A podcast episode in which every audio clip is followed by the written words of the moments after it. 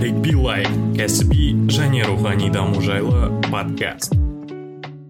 Ал қош келдіңіздер құрметті тыңдарман. Бүгін бізде қонақта данияр жігітбек атты біздің бауырымыз. Ә, дәке қош келдіңіз. Ассалаумағалейкум рахмет нареке. Осы осы осы подкастты қаншама күттік біз. Не уақыт болмай не тағы басқа себептермен әйтеуір жеттік ау осыған. Иә дәке мен ә, бұл подкаст жазу оңай оңайға соқпады. Дәке өте ә, уақыты тығыз екен. Сондай болып қалды енді. Дәке жалпы бүгінгі подкастта бірнеше өзекті тақырыпты қозғағымыз келіп отыр. Жақсы. Аха. Бірінші ең маған қазір қызықты болып жүрген сізді ә, енді оқырмандарыңыз бар. Фейсбук инстаграм ә, парақшалар бар. Сіз қазір көп ә, кайдзен туралы жазып жүрсіз айтып жүрсіз. Сол туралы бір жалпы ой бөліп жүрсіз и мен соған байланысты бір екі сұрағым бар еді. Мхм бастайық. Иә бұл мотивация қандай болды? Яғни кайдзенмен бастауға не себеп болды? Кайдзенді зерттеуге бұның не екенін деген сияқты ә, не түрткі болды? Ә, жақсы сұрақ. Мен осы кайдзен деген тақырыпқа 2018 жылы қызыға бастадым. Жалпы өзім табиғатымнан сондай бір жүйелі жүргенді бір бәрі орнында тұрғанын бәрі жоспарлы түрде жүзеге асқанын қалайтын адаммын. Сол үшін табиғатыма сол жақын болды да. Сосын 2018 жылы марғұлан сейсенбай ағамызды тыңдап сол енді бұрында еститінмін кайдзен туралы бірақ ол кісінің ә, жеткізуі ерекше болды. Сосын мен бір жоғалтып алған нәрсемді тапқандай болдым. Сөйтіп сол кайдзен деген нәрсені жалпы бұл жапондардың философиясы ғой. Бірақ та ә, бұл енді көбінесе бизнесте өндірісте ә, қолданылады. Бірақ та жеке ә, жеке дамуда да қолдануға болады екен. Көптеген құралдарын. Сол маған қызық болды. Жалпы жоспарлау болсын ә, өзіңді өміріңді ретке келтіру болсын. Сол тұрғыдан маған қызық болды. Сол үшін сонымен 2018 жылдан бастап қазірге дейін кайдзенмен ауырып жүрміз енді.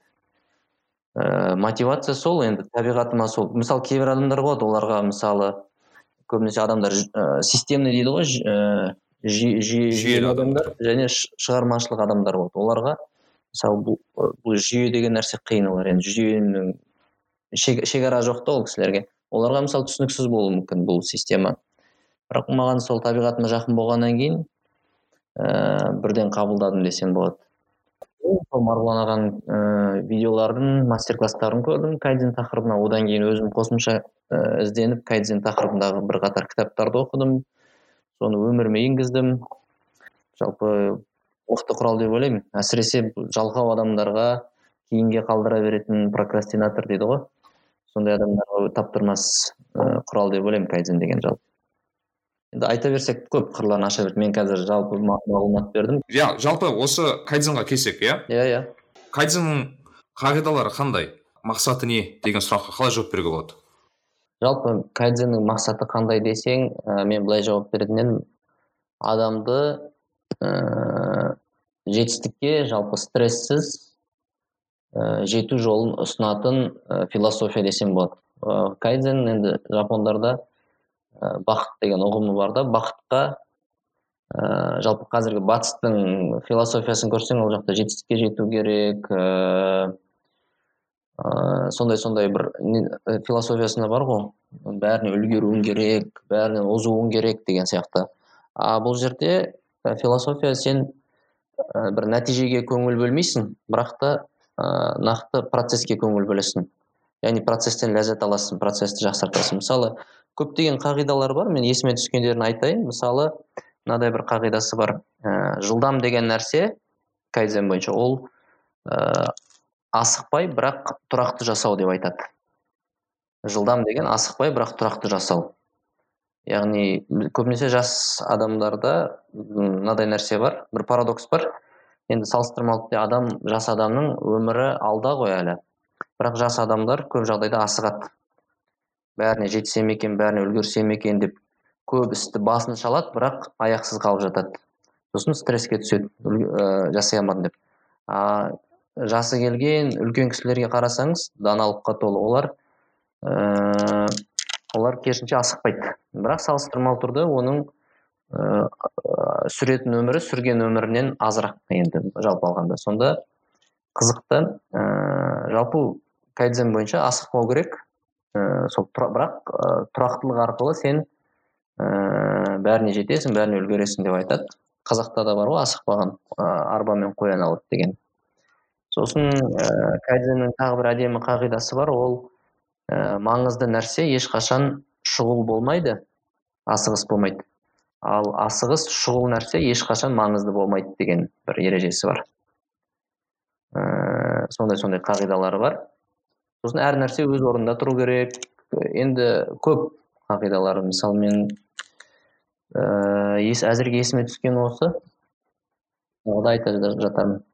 Принциптері осы мен түсіндім. Яғни асықпау керек ә, жүйелі түрде аз аздан жасау керек жалпы дұрыс иә? Мхм. Иә иә аз аздан негіздері. Мен өзім зерттеп көрдім бұл ыыы қағидаларды кайдзеннің өзін бірақ мен көбінесе бұл қағидаларды бизнесте көретінмін. Яғни производство болсын фабрикаларда сол кезде тойотаның фабрикаларында қолданысы жайлы оқыдым. Ә, бірақ мысалы марғұлан аға бұны көп өмірге енгізу жайлы айтады. Яғни бұл иә. производствода бизнесте ғана емес сол өмірге қолданысы жайлы айтылады ә, сіз қалай қолдана алып жүрсіз кайдзеннің қағидаларын өмірде? Және қалай қолдануға болады деген сұрақ бұл жерде мм қазіргі күнделікті өмірді алсақ. Ыыы енді бірінші жоспарлау жүйесі мысалы менде ә, трелло бағдарламасын қолданамын ә, сол жерде канбан деген әдіс бар кайдзенде яғни істің бәрін бір ағынға салып қою. Ә, қарапайым тілмен айтқан мысалы to do doing done деген сияқты.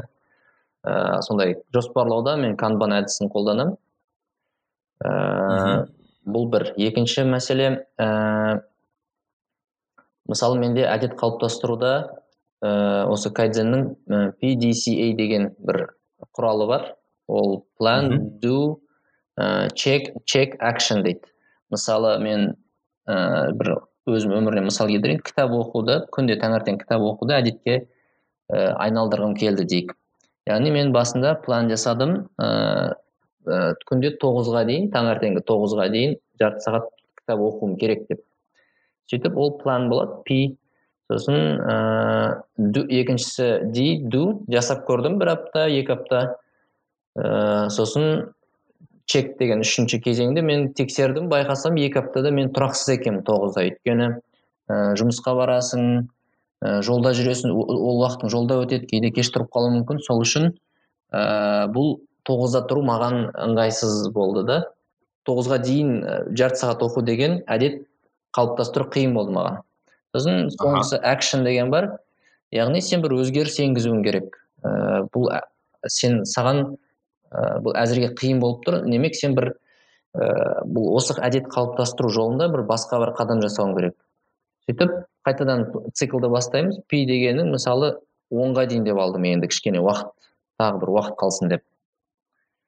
Ә, сонда сонда менде былайша айтқанда соңғы екі апта мен қазір онға дейін ыыы жарты сағат кітап оқуым керек. Әзірге ә, маған ол қиын емес оңай. Қолымнан келіп жатыр. Кітап та оқылып жатыр әдет те қалыптасып жатыр. Сол сияқты бір кейде біз бір әдет қалыптастырғымыз келеді бірақ оны сондай бір үлкен қиын қылып алып аламыз да ә, сосын ол аяқсыз қалып жатады. Сол үшін егер бір әдетті қалыптастырғың келсе онда ә, сөйтіп тексеріп тұруың керек. Мысалы ә, мысалы сегізде тұрып жүрген адам жетіде тұруды мысалы мақсат етіп қойса ол бірден жетіде тұруды тұрам деп ертесіне кірісіп кетсе ол ұзаққа шыдамайды. Бір екі апта тұратын шығар содан кейін тастап, тастап кетеді. Ал егер бірінші yeah. Иә. жеті елуде сосын жеті елуде деген ыыы жеті елуде тұруды бекітіп алса одан кейін жеті қырық сөйтіп сөйтіп ақырын ақырын кішкентай қадамдармен ыыы жетіде тұратын деңгейге жетеді ііі сол, сол мәселеде мен қолданып жүрмін ыыы одан бөлек басқа да құралдар бар енді оны ыыы осы екеуімен шектелген дұрыс сияқты әзірге мен ыыы сіздің осы әсіресе жоспарлау туралы яғни посттарыңызды оқимын. Мхм. Яғни сіздің жалпы ойлауыңыз бойынша енді менің сенімім былай басым көпшілік жоспарлауды мүлдем жасамайды. Дұрыс. Менің өз көргенім екіншіден жоспарлағанның күннің өзінде дұрыс жоспарламайды. Мхм. Үшінші ол жоспар жүзеге аспағаннан кейін ана демотивация пайда болады. Жоспарлаудың қажеті жоқ шығар іске аспайтын шығар жазылған жаттар өмірге аспайды деген секілді ә, ойлар пайда болады. Мхм енді сіз қазір үйретіп жүрсіз мен байқасам иә осы сенбі осы ашық сабақтар жасап жоспарлау туралы деген секілді. Иә? Иә сондай жасап жүрмін енді менің түсінуімше онша қиын дүние емес. Яғни канбан бағанағы несі техникасы бойынша иә? Иә. Сол кішігірім кішігірім айта кетсек ыыы басты қағидасы не жоспарлаудың? Қалай жоспарлауға болады? Бағанағыдай ыыы демотивация болмау үшін де мхм. ыыы кішкене бір продуктивті түрде жұмыс істеу үшін. Мхм. Ыыы мен қазір өзіме бір күн бекітіп алдым. Сенбі күнді ыыы қоғамға қызмет ету күні деп бекітіп алдым. Бұл да бір кайдзенше алсақ бұл да бір стандарт. Яғни кайдзенде ә, бір стандарттар болу керек сенің өміріңде. Бұлжымас қағидалар. Сондай стандарттарды бекіту арқылы сен өміріңді жақсарта бересің. Сол сияқты мен де ә, бір стандарт жасап алдым. Әр сенбі бір қоғамдық іспен айналысу. Енді менің ә, оң жамбасыма тиетіні сол әзірге білгенімді бөлісу ә, бір ағартушылық саласы десек те болады. Сөйтіп әр сенбі ә, сондай мастер класстар ұйымдастырып жүрмін. Ә, жақында бастадым. Ә, енді жоспар жақында соңғы тақырып жоспарлау болды. Енді жоспарлау тақырыбы аса қиын тақырып емес дұрыс нәрсе жалпы. Ә, менеджментте айтады ғой дұрыс нәрсе сол дұрыс нәрсені дұрыс жасау деген бар тағы. Ә, бұл жерде м канбан тақтасының енді біз білетін көпшілік білетін канбан тақтасы ол ә, мысалы үш бағаннан тұрады. Жасау керек жасалып жатыр ә, жасалды деген сияқты. Яғни стикер тақтаға тақта жасайсың оған стикерлер жабыстырып сөйтіп стикерлерді жылжыту арқылы. Ә, жоспарлайсың. Енді бұл бәріне түсінікті деп ойлаймын. Бірақ та ә, бұл жерде ә, мынадай мәселе бар деп ойлаймын. Ә, жалпы жоспарлау мәселесі жоспарлау жалпы динамикалық болу керек деп ойлаймын.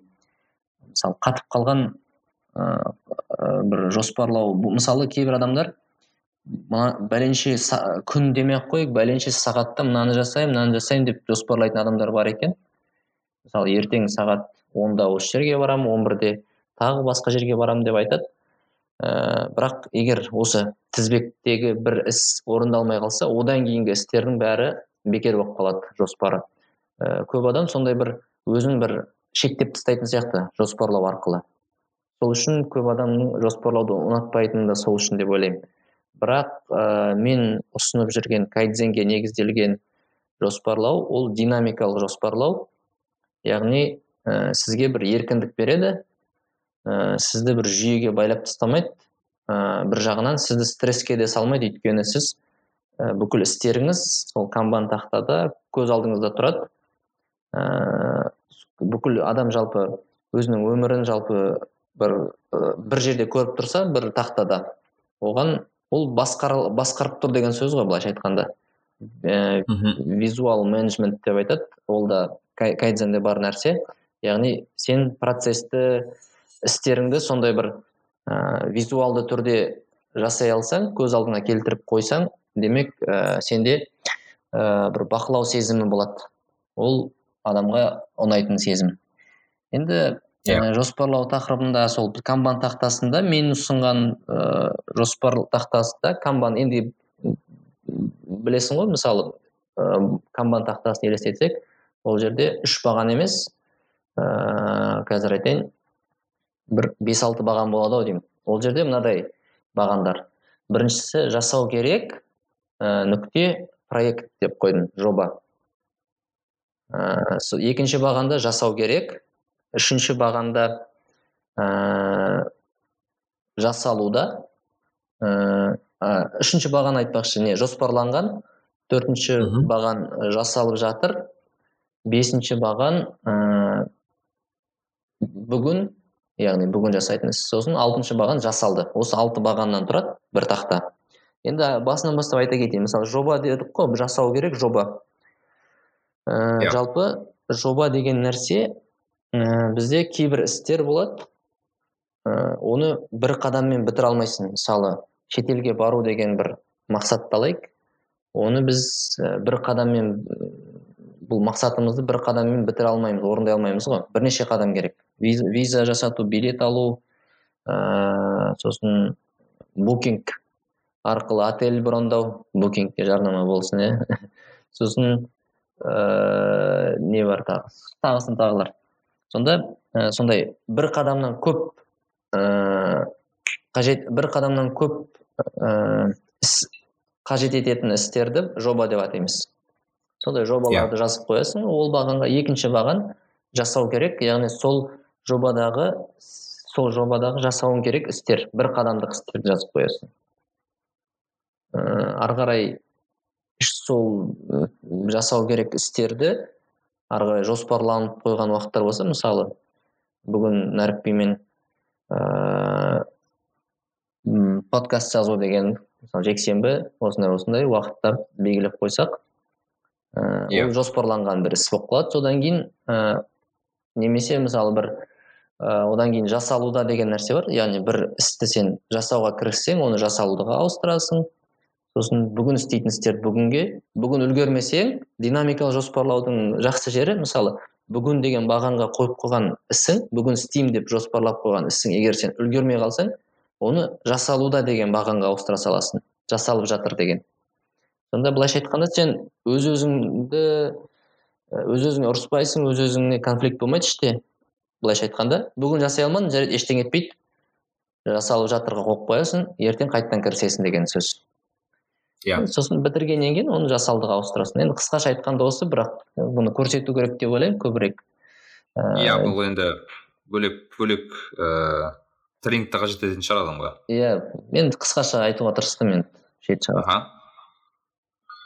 Бұл енді м мен басқа бір мәселе қозғағым келіп тұр бұл жерде. Мхм. Менің көп ә, естіп жататын көріп жататын мақсат қою деген мәселе бар.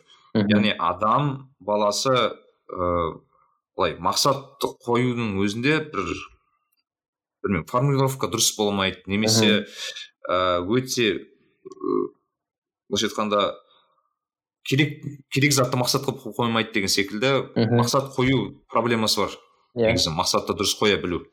Келісемін. Осыған байланысты кайдзенда қандай бір несі бар ма? Ә, техникасы бар ма? Әлде бір өзіңіздің лайфхагыңыз бар ма осыған байланысты? Ыыы жалпы мақсат деген ә, бізге мақсат қайдан келеді деген сұраққа мысалы жоспарлау деген тақырыпты айттық қой бағана.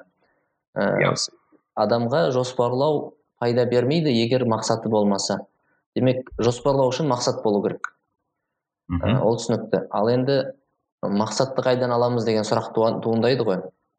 Ә, мақсат сіздің ішіңізден шығуы мүмкін. Ә, мысалы қалауыңыз ә, мақсат немесе көбінесе ә, біреудің сізге ә, сырттан ә, жасап берген мақсаты болады.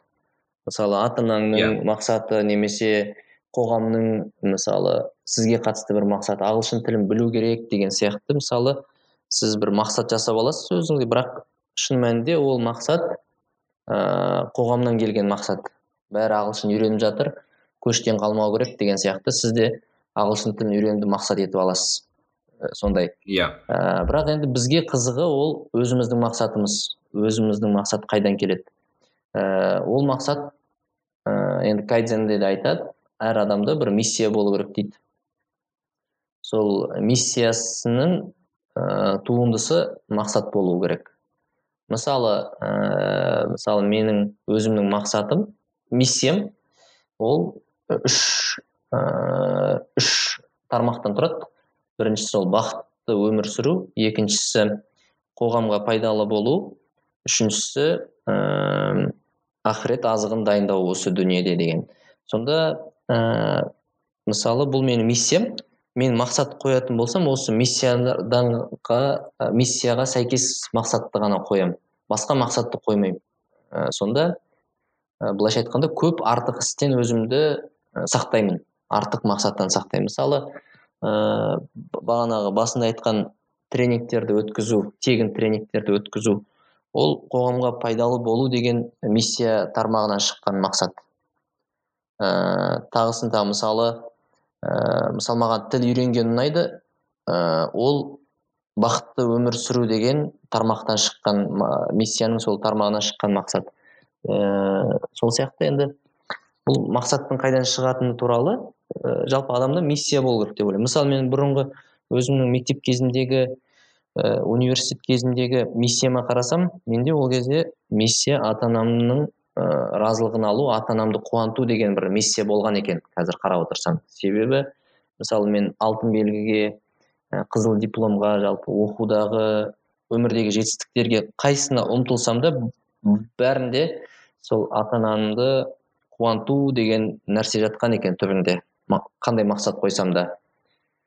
Ыыы енді ол маған бір пайдалы болды деп ойлаймын өте. Сол сияқты адамның миссиясы өзгеріп тұрады бірақ енді ә, ақыл тоқтататын жас жиырма бес жас деп жатады. Сол жаста адамда бір қалыптасқан миссия болу керек деп ойлаймын. Бұл енді мақсаттың қайдан шығатыны туралы. Ал енді мақсатқа қатысты лайфхактар дейтін болсақ көп адамда ә, нақтылық жоқ мақсатының. Мен ә, мақсатты жалпы проект деп жатырмыз ғой бағана айттым ә, жоба. Мхм ә, мен ойымша ә, мақсатта мақсат қойғанда үш түрлі ә, сипаты болу керек мақсаттың. Проект деп айтады. Проект деп алайықшы проект мақсат сонда оның орындалу шарты деген нәрсе болу керек мақсаттың. Мысалы қандай шарт орындалса мынау мақсатқа жеткен болып саналам деген сияқты. Мысалы біреу айтады мен ағылшын тілін үйренгім келеді дейді. Енді оған сұрақ қоясыз ә, қандай шарт орындалғанда сен ағылшын тілін үйренген болып саналасың өзің? Сосын ол айтады айлс алтыдан нөл алсам мен ағылшын тілін үйренген болып саналамын. Немесе ә, оксфорд дикшнери сөздігін жаттап алсам мен үйренген болып саналамын. Әркімде әртүрлі шарт болуы мүмкін. Демек ә, сол үшін ә, ол мақсат қойғанда орындалу шартын міндетті түрде белгілеп алу керек. Қай шарт орындалғанда мақсатыма жеткен болып саналамын. Сол екінші мәселе екіншісі сол мақсатқа жеткенде өзіңе бір сыйақы тағайындап қоюың керек. Мысалы егер мен ә, білмеймін енді қандай мақсат болуы мүмкін? егер мен мысалы букинг комға жұмысқа тұрсам білмеймін евротур, жас, евротур жасаймын деген сияқты. Бір өзіңе қимай жүрген өзіңнен өзіңді шектеп жүрген бір сыйлықтар болады ғой өзіңе жасай алмай жүрген. Сондай сыйлықтарды мақсатқа байлап қою керек. Ол біріншіден ә, сіз мысалы бір мақсатқа жетсеңіз онда жарайды жеттім деген бір уақытша бір ә, сезім болуы мүмкін. Жарайсың деген жарайсың нәрікби деген сияқты. Ә, бірақ қосымша сыйақы бер, беретін болса ә, ми деген ә, соған үйреніп қалады да бір нәрсені күтуді сыйақыны. Сөйтіп ол келесі мақсатты орындауға асығады. Ә, былайша айтқанда мақсатқа жетудің ләззаты көбірек болады. Әрі жарты жолда мақсатыңды тастап кетейін десең анау берілетін сыйды ойласаң кішкене алдыға жылжуыңа көмектеседі. Енді мақсаттың көлеміне қарай мысалы кішігірім мақсатқа кішігірім сый деген сияқты сондай мәселе. Үшінші мәсе, үшінші нәрсе мақсатқа қатысты ол ә, мақсатты бағана бірінші айтып алдық қой осындай орындалу шартын белгілеп алдық. Осындай орындалса мақсатқа жеткен болып саналады енді бізге алғашқы қадам деген нәрсе керек бізді қозғалтатын. Осы мақсатқа апаратын алғашқы қадамды ғана жоспарлау керек. Мысалы шетелге шығу деген ә, мақсатты қойсақ біз алғашқы қадамды ғана ойлауымыз керек та. Ә, мысалы қандай болуы мүмкін? Ә, шетелге барып келген адаммен сөйлесу мысалы. Соның кеңесін тыңдау деген алғашқы қадамды жасап соны ә, жоспарлауымыз керек ең алдымен. Басқа нәрсені ойламауымыз керек. Соны жасап болғаннан кейін келесі қадамды жоспарлаймыз. Ә, бұл да бағанағы динамикалық жоспарлауға жатады. Енді мақсатқа қысқа қатысты айтарым осы қысқаша. Иә енді біз ә, мақсатты түсіндік. Ыыы еш қиындығы жоқ сияқты маған. Мхм. Тек осындай бір дұрыс ыыы қолдану мәселесі ғана сияқты маған. Иә. Енді үйрену жайлы айтсақ м яғни бұған қалай үйрену керек кітаптар оқу керек па тренингтерге бару керек па деген сияқты сұрақ. Мхм. Бұны жеке адам өзі үйрене ала ма бұны бұл заттарға? Ә, мен айтар едім енді тренинг болса әрине жақсы. Мысалы мен өз басым осылай жоспарлау тайм менеджмент дегенді екі мың оныншы жылдан бастап қызық, қызыққан екенмін. Ара тұра сөйтіп арасында осы нәрселерді өнімділік сол нәрселі тақырыптарды зерттеп жүретін ә, бірақ осы 2018-2019 сонда былайша айтқанда сегіз тоғыз жылдан кейін барып келдім да осы жүйеге. Ә, соңғы жылы оқыған кітаптарым ә, тыңда, көрген мастер класстарым себеп болды. Бірақ мен айтар едім тренингке барса ә, адамдар мысалы қазір өткен жолы тренингтен бәлкім жиырма жасар енді ә, қызығып жатқан адамдар болса жоспарлауға олар мысалы менің он жылда түсінген нәрсемді бір рет бір рет қатысып үйреніп алады деген сөз тәжірибе. Енді тек қана соны жүзеге асырып көру керек. Сосын өзіне ыңғайлап алса болады. Бұл енді бір қатып қалған жүйе емес. Өзіне ыңғайлап алса болады. Ә, кітаптар оқыған пайдалы деп ойлаймын. Мысалы ә, сол тақырыпты тереңірек түсіну үшін ә, кітап оқығанда пайдалы сияқты деп ойлаймын. Бірақ бірінші кезекте сондай ә, жүйелі адамдардан соны қолданып өмірінде қолданып көрген адамдардан ә, мастер класс тренинг алған әлдеқайда тиімді болар еді деп ойлаймын. Яғни үйрену тезірек жүреді иә yeah, тезірек жүреді. Кітаппен үйрену ұзағырақ болады. Ыыы сол үшін сосын мынадай нәрсе бар. Ол мысалы тренингте үйренген нәрсесін бірден өмірге сіңіріп көру керек деп ойлаймын.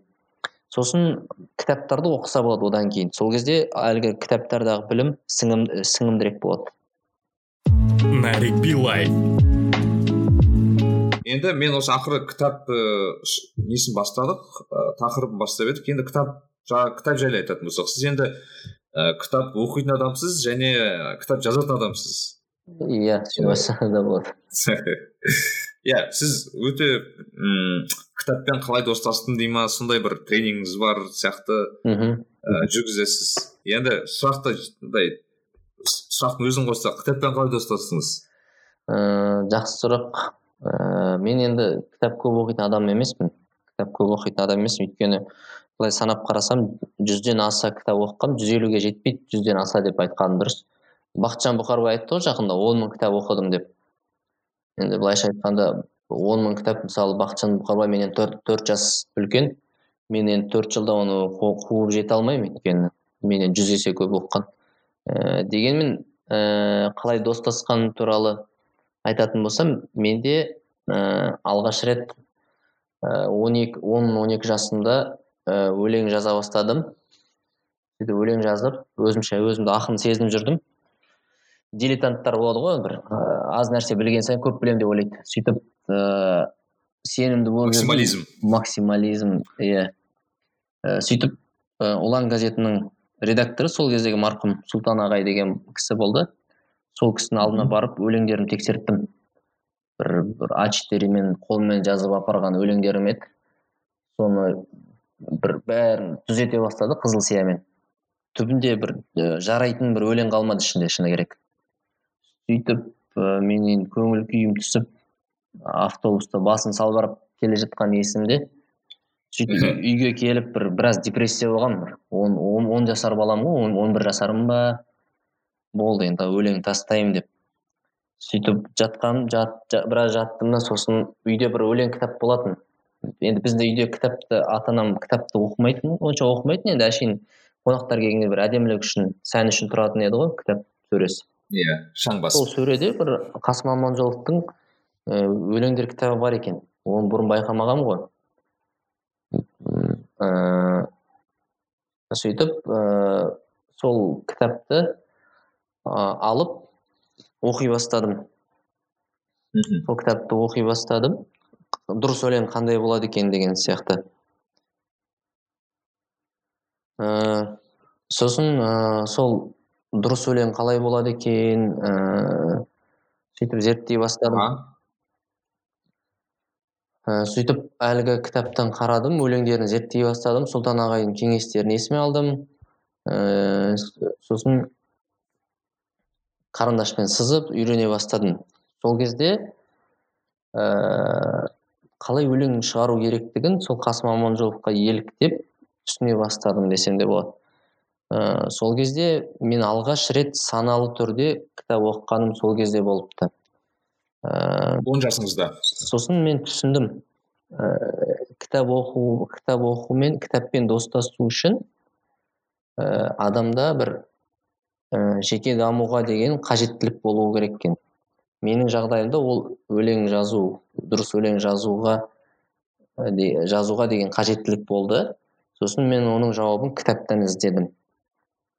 Ә, сол сол мәселе. Сол үшін кітаппен достасу үшін ә, менің ойымша адамда бір жеке дамуға деген қажеттілік болу керек деп ойлаймын. Егер қажеттілік болмаса ондай онда кітаппен достасу қиындау болады. Ә, одан кейін де мысалдар болды өмірде. Мысалы ата анам айтатын сен тұйықсың осындай осындай адамдармен араласпайсың дегендей. Менде бір қажеттілік болды жаңадан қажеттілік пайда болды. Адамдармен қалай аралассам болады деген. Қайтадан кітап карнегидің кітабы бар еді ғой как завоевать э, друзей деген. Сол кітапты оқи бастадым. Ә, оқығанда да сол проблемамның шешімін табу үшін бір қажеттілігімді өтеу үшін солай оқыдым.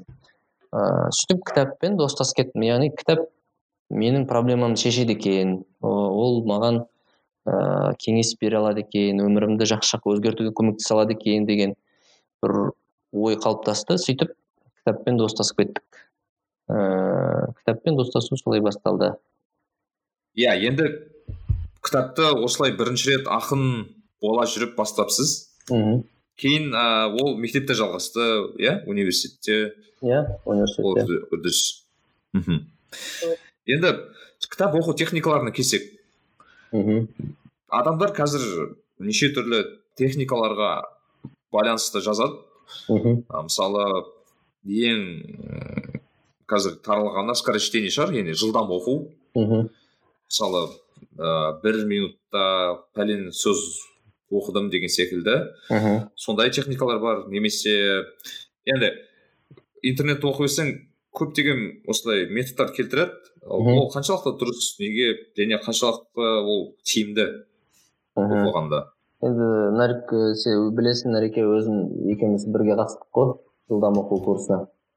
Бір, бір топта болдық ыыы асылзаттың тобында. Енді мен ә, осы жылдам оқуға қызыққан адамдарға айтарым. Ыыы жылдам оқу ол былайша айтқанда ә, бір көп адам дұрыс емес түсінетін сияқты жылдам оқуды деп судыратып оқып шығу деп түсінеді. Бірақ бұл жерде ә, жылдам оқып жылдам түсіну деген мәселе бар да. Ә, бұл жылдам оқудың мен қысқаша айтарым ә, жылдам оқу бізге мысалы біз ә, қазіргі өзіміздің қалыптасқан мектепте үйренген оқуымыз ол былайша айтқанда ішкі дауыс деген болады. бізге минутқа оқытатын еді ғой дауыстап оқимыз ол кезде. Сол бізге қалып қалған біз бір сөзді ішкі дауыспен оқып шықпайынша анау оқылмаған болып саналады бізде. Иә. Yeah. ішкі дауыспен оқып шығамыз. сол кезде ғана ол ол шектеулі ә, жылдамдық. мысалы әлемде ең көп тез сөйлейтін халық француздар дейді ғой. бір жерден оқып едім үш жүз елу сөз минутына сөйлейді деп. яғни адамның оқу жылдамдығы да сол шектен аспайды деген сөз. Қазіргі өзінің қалыптасқан әдісі бойынша ішкі дауыспен оқу. Яғни үш жүз елуден көп оқи алмайсың деген сөз ғой. Француз француздың жағдайында. Шектеу. Иә. Ал егер жылдам оқу техникаларын меңгерсең сол ішкі дауысты өшіруге көмектеседі олар. Яғни сіз ә, бір текстті көресіз де оны бірден ешқандай кедергісіз миға жібересіз. Онда жылдамдық едәуір артады. Ә, бірақ кәдімгідей түсіне бересіз сосын бір мынандай нәрсе бар тез оқысаң аз түсінесің дегендей. Ә, бірақ ә, мен айтар едім ә, бұл шындыққа жанаспайды. Керісінше неғұрлым жылдам оқи алсаң соғұрлым жылдам түсінесің. Ә, ол дәлелденген нәрсе. Ә, ә, жылдам оқу иә. керек сияқты. Жылдам оқуды меңгеру керек. Бірақ ә, бұл да бір былай бір аналогия жүргізсек бір көлікпен көшеде келе жатсаң бір бұрылыстарда онда ә, жылдамдықты бәсеңдетесің. Ә, тағы бір, бір өзіңе таныс емес жерлермен жүрген кезде бір кішкене жан жағыңа қарап жай жүресің деген. А сосын трассаға түскен кезде онда басасың деген сияқты. Жылдам оқуда сондай. Құлдыратып оқи бермей кейде жылдамдықты бәсеңдетіп кейде ә, тез оқу. Бұл да бір ә, шеберлік. Ә, соны меңгеру керек деп ойлаймын. Ә, сол үшін жылдам оқу қажет нәрсе деп ойлаймын. Негізі скорочтениенің ыыы тез оқу жылдамдықтары жылдам оқу жалпы көмегі бар техника деп ойлайсыз иә? Көмегі бар техника техника деп ойлаймын. Аха. Түсінуге де ыыы көмек етеді енді кішігірім осы біз есімде болсақ ыыы қанша уақыт? Екі жыл үш жыл бұрын ә, reading club ұйымдастырған едік. Сіз соның бір ыыы алғаштар ыыы ұйымдастырушысы болдық соған кішігірім айтасыз бұл ыыы неден пайда болды неге бұл қандай көмегі тиді деген секілді. Мхм. Иә бұл екеуміз де бұл топта болдық. Екеуміз де сол ұйымдастырғанымыз есімде. Бұның ыыы бұл мынадай мынадай идеядан туған нәрсе еді. Ә, жалпы мысалы адам өзі бір нәрсемен айналысса оған бір қолдау керек ол жарты жолда тастап кетуі мүмкін бір жақсы әдетті сөйтіп кітапты yeah. Иә. кітап оқуды әдетке айналдыру үшін басқа жігіттерді тарту керек болды сөйтіп ә, топ болып ә, жарысып оқу оқиық деген бір идея пайда болды мхм ә, сонда бұл идея өзінің жемісін берген сияқты. Басқаларға да пайдалы болды өзімізге де пайда болды. Себебі ә, себебі басқалармен жарысып оқисың сен ғана оқып жатқан жоқсың. Жалпы мынау психология влияния деген кітапта да айтады. Адамға былай мотивация беретін ол жанындағы айналасындағы адамдардың ә, сол нәрсені істеп жатқаны яғни басқалар істеп жатса ол да өзінің дұрыс нәрсе істеп жатқанын растай, растай түседі. Мысалы елестетіп көрсең егер бір жерде бір оқымайтын бұзықтардың арасында кітап оқып отырсаң сенің бұл ісің дұрыс екенін растайтын адам аз болған сайын сенің де сенімің азая бастайды сөйтіп тастап кетуі мүмкін кітапты сол сияқты yeah. Иә. ә, орта мысалы мен мынандай бұл лайфхак егер бір ә, нәрсені әдетке айналдырғың келсе онда ә, бір топ құр да соны істе жүзеге асыр деген сияқты мысалы жоспарлау жоспарлы жоспармен жүруді әдетке айналдырғың келсе сондай бір топ ашып ал да соған қызығатын адамдармен сөйтіп бір біріңе есеп беріп жарысып ыыы жасасаңдар әлдеқайда пайдалырақ болады деп ойлаймын. Сол. Иә бұл мен өзім енді сол топта болғаннан кейін айта аламын бұл өте үлкен мотивация береді. Себебі адам топтағы адамдар ыыы жазып кітап оқыған кітаптар туралы жазып мхм ұсынып осы кітап жақсы екен мына кітапта осындай қызық ақпарат бар екен деген секілді бөлісу жағына өте пайдалы мхм ыыы бізде тіпті дивизиондар болды есімде болса он кітаптан артық иә иә он кітаптан артық оқығандар бір топта одан аздау оқыған екінші топта бірінші топтан екінші топқа өту керек деген сияқты сондай геймификация болды бұл жерде мхм иә мен өзім ыыы бұл осы рейтинг клаб туралы айтқан кезде өте көп адамдар таң қалатын мхм бұндай мүмкін екенін иә. жасауға болады екенін мхм. Иә. Кітап туралы айт жалғастырсақ ыыы енді мен айтпай ақ қояйын енді қандай кітаптар сіздің ең керемет өміріңізде әсері бар деген секілді. Мхм. Бірақ соңғы оқыған соңғы о, әсер еткен өмірге пайдалы болған бір кітап туралы айта айт, туралы айтып кетсек қандай кітапты айтар едіңіз? Ә, жақсы сұрақ. Мен ә, ең соңғы оқып бітірген кітабым гормоны счастья деген кітап болды. Ә, гормоны счастья маған өте қатты әсер етті ол кітап. Ә, жалпы қандай әсер десе мысалы бізде тойда болсын тілек айтқан кезде бақытты болыңдар деп айтады ғой. Ә, бірақ сол бақыттың ә, былайша айтқанда расшифровкасы бақыттың формуласын осы кітапта жақсы береді. Ә, яғни адамға жалпы ұм, бақыт сезімін сыйлайтын бақытты сезінетін бір ә, бақыт сезімін сыйлайтын бір төрт ақ гормон бар екен негізгі. Ә, дофамин эндорфин ә, окситоцин серотонин деген төрт төрт гормон бар. Сонда егер сіз бақытты болғыңыз келсе дейді осы төрт гормонды іске қосудың ә, амалын жасауыңыз керек сонда сіз бақытты боласыз дейді да енді қысқаша айтқанда. Демек ә, бақытты біз ә, осындай бір тет, тетіктерін көрсетеді осылар істесең сен бақытты сезінесің деген сияқты. Мысалы ә, қысқаша төртеуіне тоқтала кетсем ә, дофамин деген ол ә, белгілі бір сыйды күту гормоны. Мысалы анау иә. ә, марафоншы жүгіріп келе жатады да сосын ә, мәреге бір жүз метр қалғанын көреді ғой. Яғни бір сыйды күтіп тұр ол. Яғни жеңісті күтіп тұр да қол созым жерде тұрған. Осы кезде ода гор- дофамин деген гормон бөліне бастайды. Сөйтіп ол мәре сызығын ә, ә, жүгіріп өткен кезде ода сол шегіне жетеді дофамин. Яғни бұл оған бақ, дофамин гормоны сол кезде яғни бір ә, сыйды күткен кезде дофамин гормоны бөлінеді. Мхм мысалы сіз мысалы бір нәрсені істеген кезде ә, бір проектті жасап жатқан кезде оны бітірген кезде бағана айттық қой мақсат қойған кезде бір сыйды күтесің деп. Соны күту күткен кезде ә, сен дофамин бөліне бастайды. Сосын күткен нәрсең орындалған кезде дофамин шегіне жетеді да және ә, сен өзің бақытты сезінесің. А сосын ә, мынандай мәселе бар. Егер сен күткен нәрсең болмай қалса онда кері процесс кортизол деген ә, гормон бөлінеді екен. Ол керісінше сізді стресске апарады. Ә, сол үшін мынау дофаминді көбірек бөлу үшін біз кішкентай мақсаттар қоюымыз керек.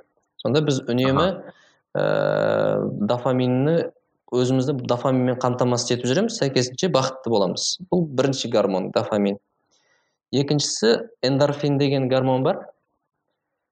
Ол эндорфин ә, физикалық бір ә, қысымға қарсы бөлінетін ә, гормон. Мысалы ә, бір бір жеріңді ұрып алсаң соғып алсаң сол бөлінеді да сонда анау а- ауырмайды да ұрып алған жерің.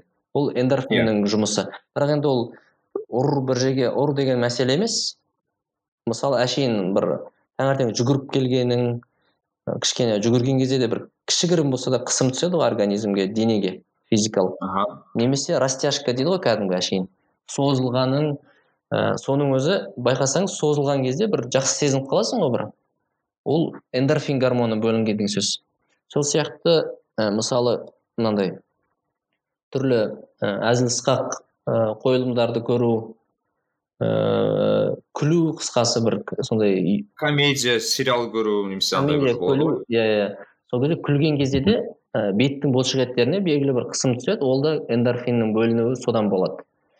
Немесе мысалы бір жылағың келетін кездер болды ғой сол кезде ә, еріксіз көз жасына ерік берсең көз жасына ерік беріп жылап алсаң ол кезде де бір іште бір жылы сезім болып тұрады ғой бір. Ол да эндорфин бөлінген деген сөз. Ә, сосын екі гормон бар окситоцин деген бар. Окситоцин гормонын айтады ол ә, се- сенім гормоны дейді. Мысалы сіз ә, сізге біреу сенгенін сезінсеңіз немесе сіз біреуге сенсеңіз ә, окситоцин гормоны бөлінеді. Яғни бір қолдау ә, бір поддержка дейді ғой орысша енді андай бір біреу сені қолдап тұрғанын се- сезген кезде ә, Иә. окситоцин бөлінеді.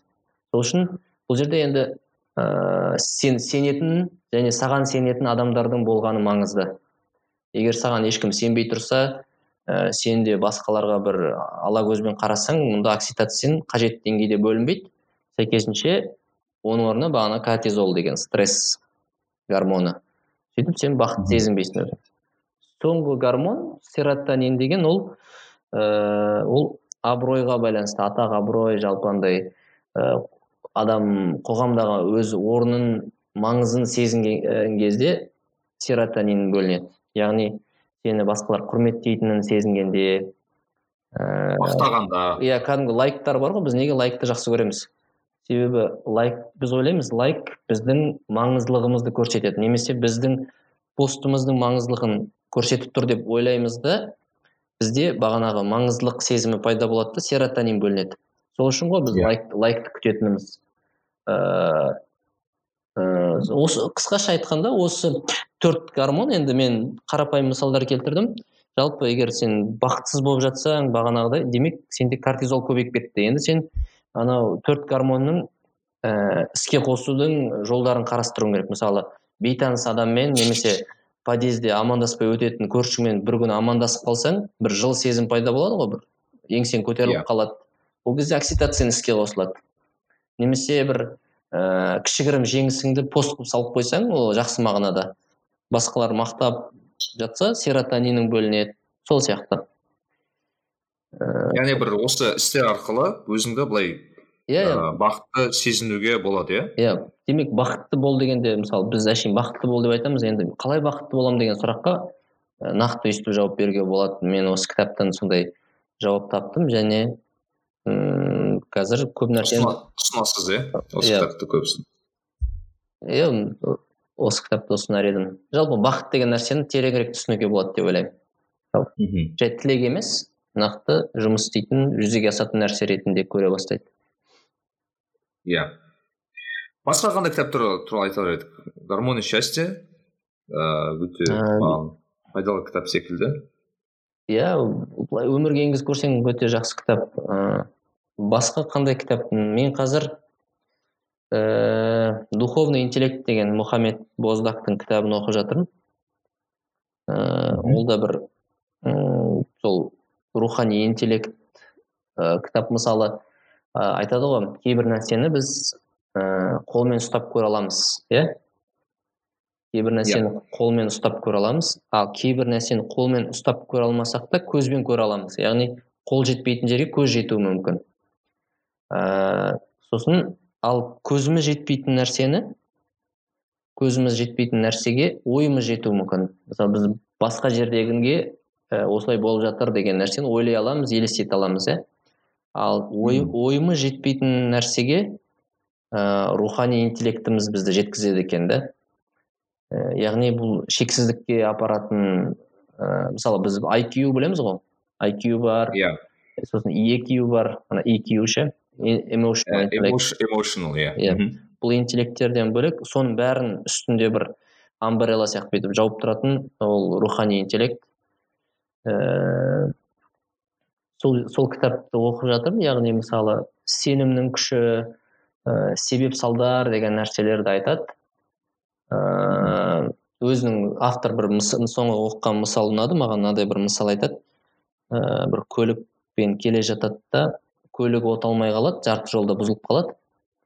Сөйтіп Иә. автоэлектрикті шақырады тағы да м мамандарды шақырады бірақ көлігі от алмай қалады. Бұл жаңадан алған машинасы еді да негізі.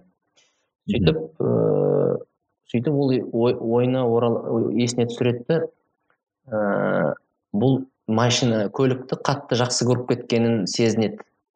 Құдайын да ұмытып тұратындай жақсы көріп кеткенін сезінеді сол сәтте осыны түсінген уақытында от алдырып көрсе машинасы от алып кетеді да. Ііі бұл мысалмен автор айтқысы келген нәрсе. Ііі кейде бір бір өмірде бір ережелер бар дейді да мына өмірде. Енді оны бір формулаға сала алмайтын бірақ осындай рухани интеллектпен түсінетін. Яғни былай дүниедегі нәрсені қатты жақсы көріп кетсең ііі ол сенен алыстай береді деген сияқты. Ол, ол нәрседен тәуелсіз болсаң керісінше ол саған қызмет ете береді деген. Осындай нәрселерді жалпы ғылыми түрде түсіндіруге тырысады автор енді оқып жатырмын ол кітапты қызық кітап сияқты. Маған ислами қағидаларға өте сәйкес келетін. Иә автор өзі ә, мұсылман. Сол үшін көп хадистерді келтіреді. Бірақ содан бөлек ә, былай өте көп ә, әдебиет оқыған сияқты болып көрінеді. Тони роббинсті де келтіреді ішінде қысқасы батыстың әдебиетімен де таныс сияқты. Мхм сол өте- пайдалы кітап сияқты. Иә. Керемет. Ыыы соңғы кездері ыыы мынау қазақстанның қазақстандық авторлардан бір кітап оқып көрдіңіз бе Діке? яғни бізде қазір енді көп шықпаса да аз маз қазақ авторлар жазып отырады.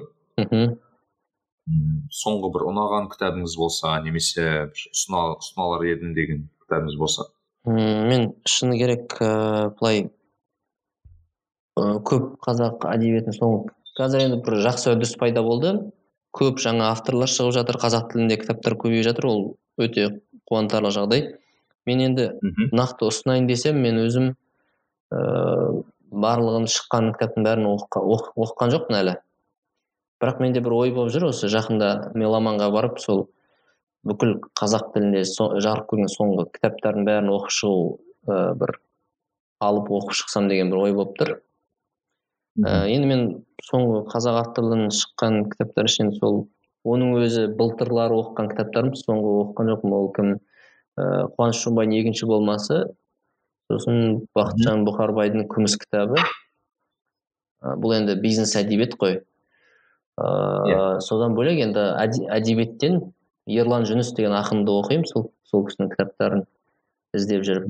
Ыыы жалпы бұл енді Иә. менің бір минусым шығар әлі оқыған жоқпын шыны керек көбін. Сол үшін нақты кеңес бере алмаймын.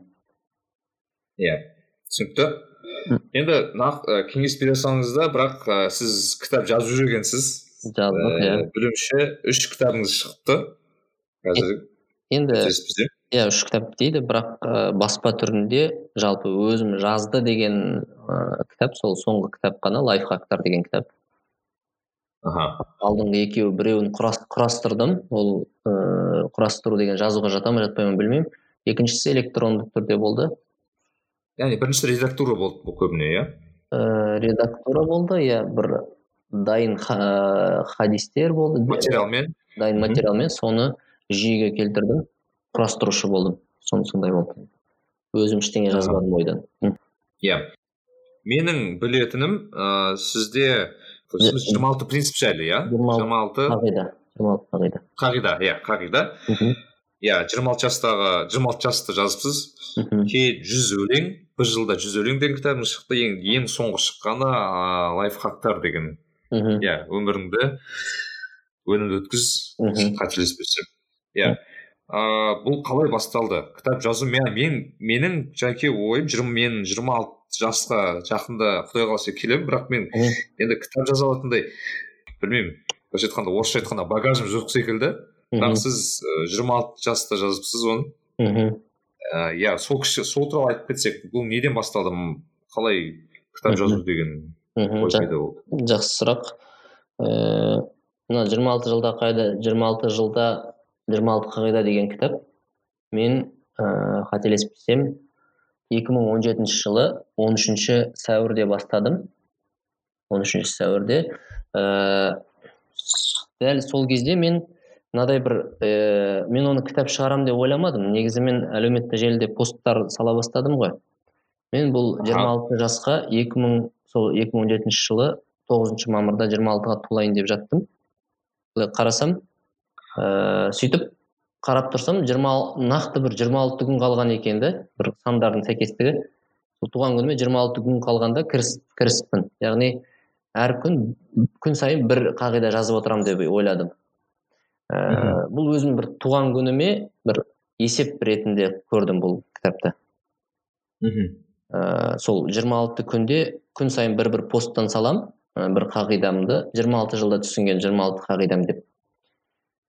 Ыыы сөйтіп посттар сериясын сала бастадым. Оқырмандарға да ұнай бастады. Бұл бұл жерде мақсат кітап жазу да болған жоқ. Бұл жерде әшейін өз өзіме есеп беру болды. Иә. Ә, жалпы мен осы жерде бір нәрсені айта кетейін. Көп адам кітап жазу керек деген кезде бірден ә, баспаны тиражды таралымды ойлап кетеді да. Ә, мен айтар едім ә, кез келген ә, үлкен дүниені жасау үшін адам өзі үшін жасау керек деп ойлаймын бірінші. Немесе өзінің отбасы жақыны су- бір қыс- қыс- қысқаша айтқанда бір фокусты ә, жалпы емес бір ә, жалқы дейді ғой жеке топтарға Иә. бұру керек сияқты. Сонда ол шығармасы бір жағынан көп жағдайда басқаларға да пайдалы болып жатады. Және ол ә, бір максимализмнен арылады да сәйкесінше ол бір бір дүние шығарады әйтеуір. Әйтпесе мысалы сен айттың ғой ә, мен жазайын десем багажым жоқ сияқты менің ойымша сенің багажың өте көп та.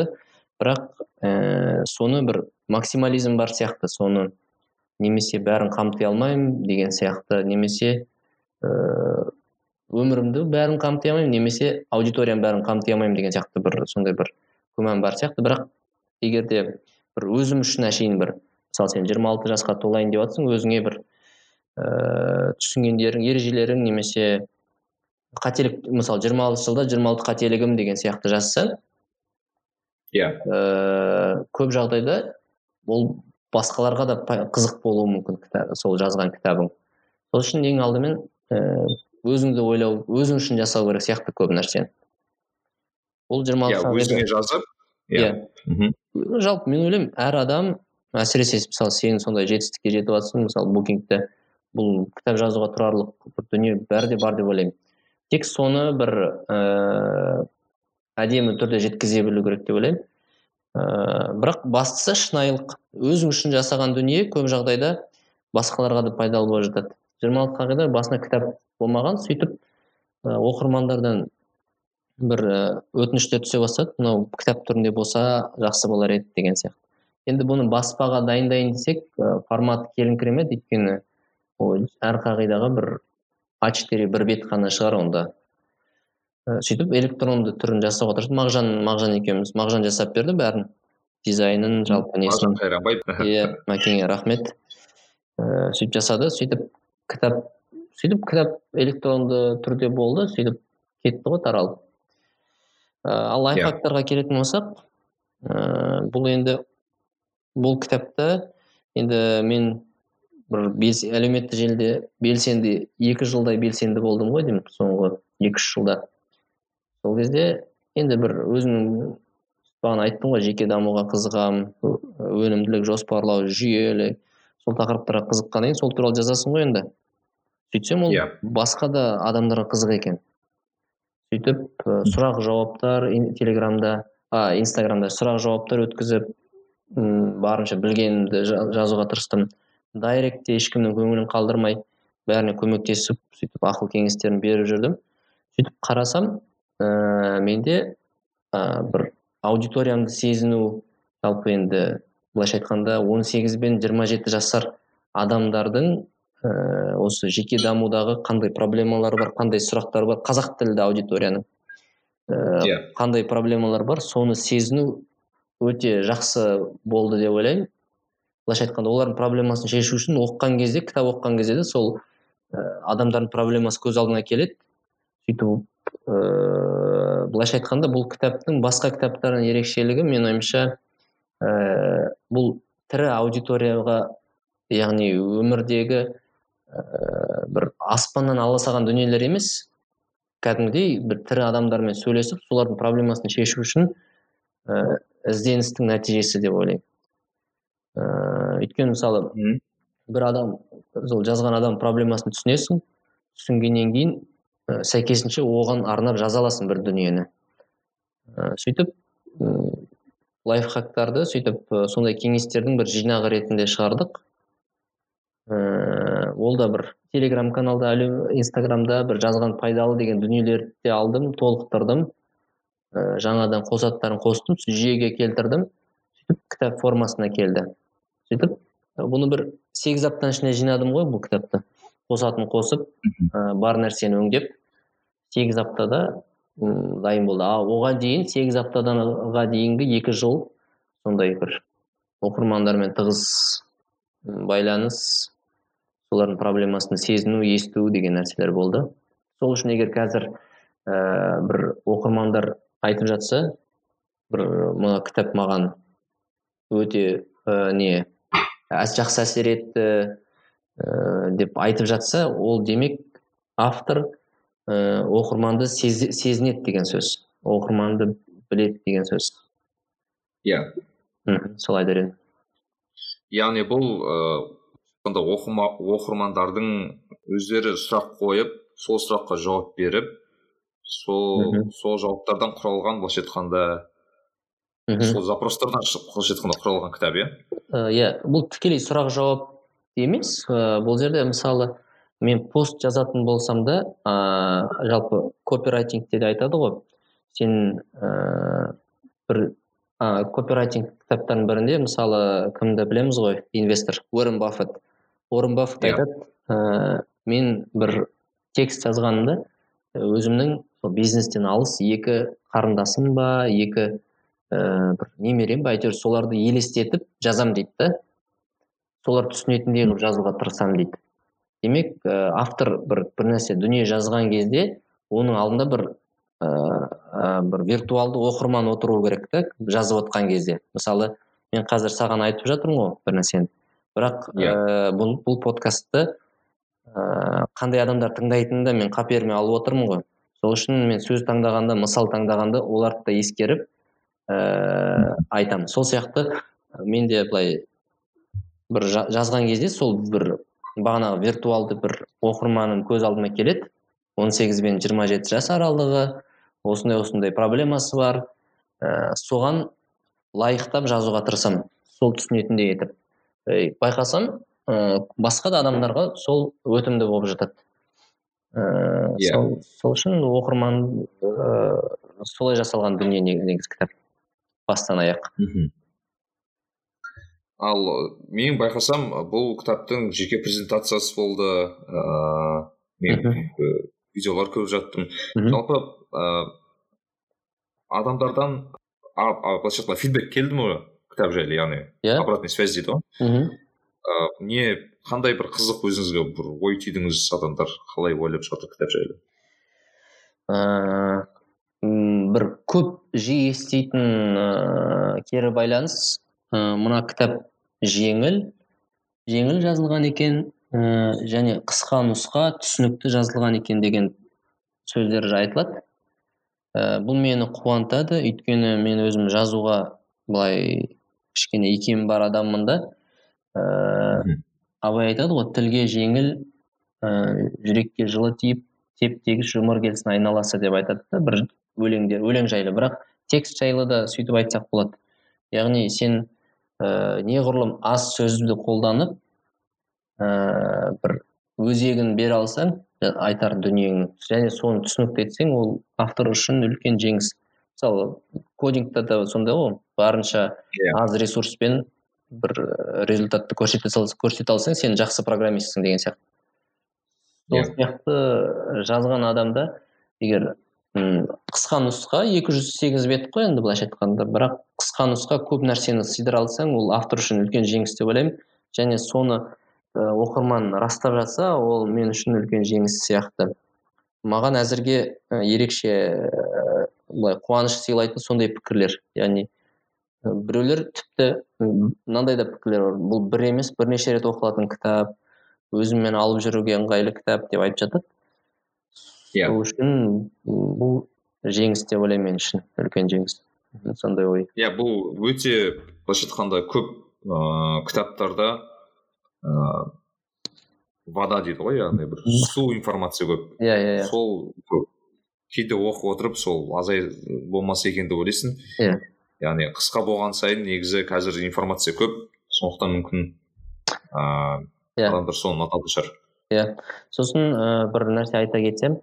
Бұл кітап өзі шағын кітап бір алақаннан сәл үлкендеу. Және ә, бұл кітапты ә, пост ә, әлеуметтік желідегі пост форматында жазылғанда әр ә, тақырып. Ә, бұның мәні мәні мынадай. Қазіргі кезде оқырманда клиповое мышление дейді ғой. Яғни Иә. ұзақ нәрсені оқи алмайды тез тез қысқа қысқа. Бірақ сондай қысқа қысқа нәрсені оқып кітапты қалай бітіріп тастағанын білмей қалады. Біріншіден ә, екіншіден Иә. мақсат біз мына кітапты кішкентай қылып және ә, жұқа обложка дейді ғой жұқа мұқаба жасағанымыздың ә, мақсаты ә, бұл интерфейс та мысалы. Ә, жалпы адам адамға кітап оқып кету үшін интерфейс өте маңызды. Мысалы егер ә, мынау бізде құран кітап мысалы үлкен кітапты қатты ә, мұқабамен үлкен кітап шығарсаң оқырманда мынадай ой қалыптасуы мүмкін. Бұл бір ә, дайындықты қажет ететін кітап деп кітап сөресіне қойып қоюы мүмкін. Ә, мысалы құранды бізде қойып қояды ғой бір ақ матаға орап ол оқылмайды сосын. Сонда ә, мынау кітап бірақ керісінше біріншіден кішкентай екіншіден жұқа мұқабада же- жеңіл өзіңмен алып жүруге қалтаңа сала салуға өте ыңғайлы. Сонда бұл ә, оқырманмен ә, арадағы қашықтықты азайтады да бұндай нәрсе интерфейс. Сөйтіп оқырман бұл кітапты оқу ықтималдығы жоғары болады. Иә. М, автордың мақсаты оның кітабы оқылуы керек. Сол үшін бұл да бір сондай бір әдіс десек маркетингтік әдіс десек бола ма болмай ма? Ә, көбі сөйтіп айтады көбі оқып жатыр. Енді бір бұл мен үшін мақтаныш деп ойлаймын. Кітаптың шыққанына бір ай болды екі мың данадай сатылған мысалы. Иә. екі мың дана өте жақсы өтіп жатыр және ә, сондай бір әдіс қолдандық. Мен бұны алғаш рет ә, бір інім болатын ол кітап оқымайды онша. Бірақ ә, достоевскийдің преступление наказание деген кітабы сондай. Ә, флип флипбук форматында болды жұқа мұқабада кішкентай иә. Әр беті кішкентай кішкентай сол кітапты оқып тастағанын көрдім. Сон- сонда мен түсіндім ә, бұл жерде біз кітап оқымайды оқымайды деп айтамыз бірақ та ә, интерфейстің маңыздылығы зор екен. Яғни оқырман мен кітаптың арасындағы кедергілерді барынша азайту керек деп ойлаймыз осындай интерфейстік ә, мағынада. Сонда оқырман кітапты ә, бірінші бетін аш, ашу ғой басты мақсат бірінші бетін ашса ары қарай кітап өз қызметін атқарады. Ә, сондай ой. Бірінші қадамды барынша оңай жасау. Иә иә. кітапты алу да оңай тасу да оңай иә иә. бетін ашу да бетін ашуды оңайлату керек. Оқуды оңайлату керек. Енді біз ә, қазір маркетинг қой бар жерде. Ә, барынша оқырман оқитындай қылып жағдай жасап қою керек. Сондай ой болды. Керемет. Енді мүмкін тыңдарман арасында ә, ә, кітап жазатын адамдар пайда болатын шығар. Иә. Ә, мүмкін мен жазатын шығармын. Саған міндет мүмкін- саған міндетті түрде жазу керек кітап. Иә. Мына- мынадай тақырып. Алматыдан амстердамға ма? Сондай а а деп білмеймін.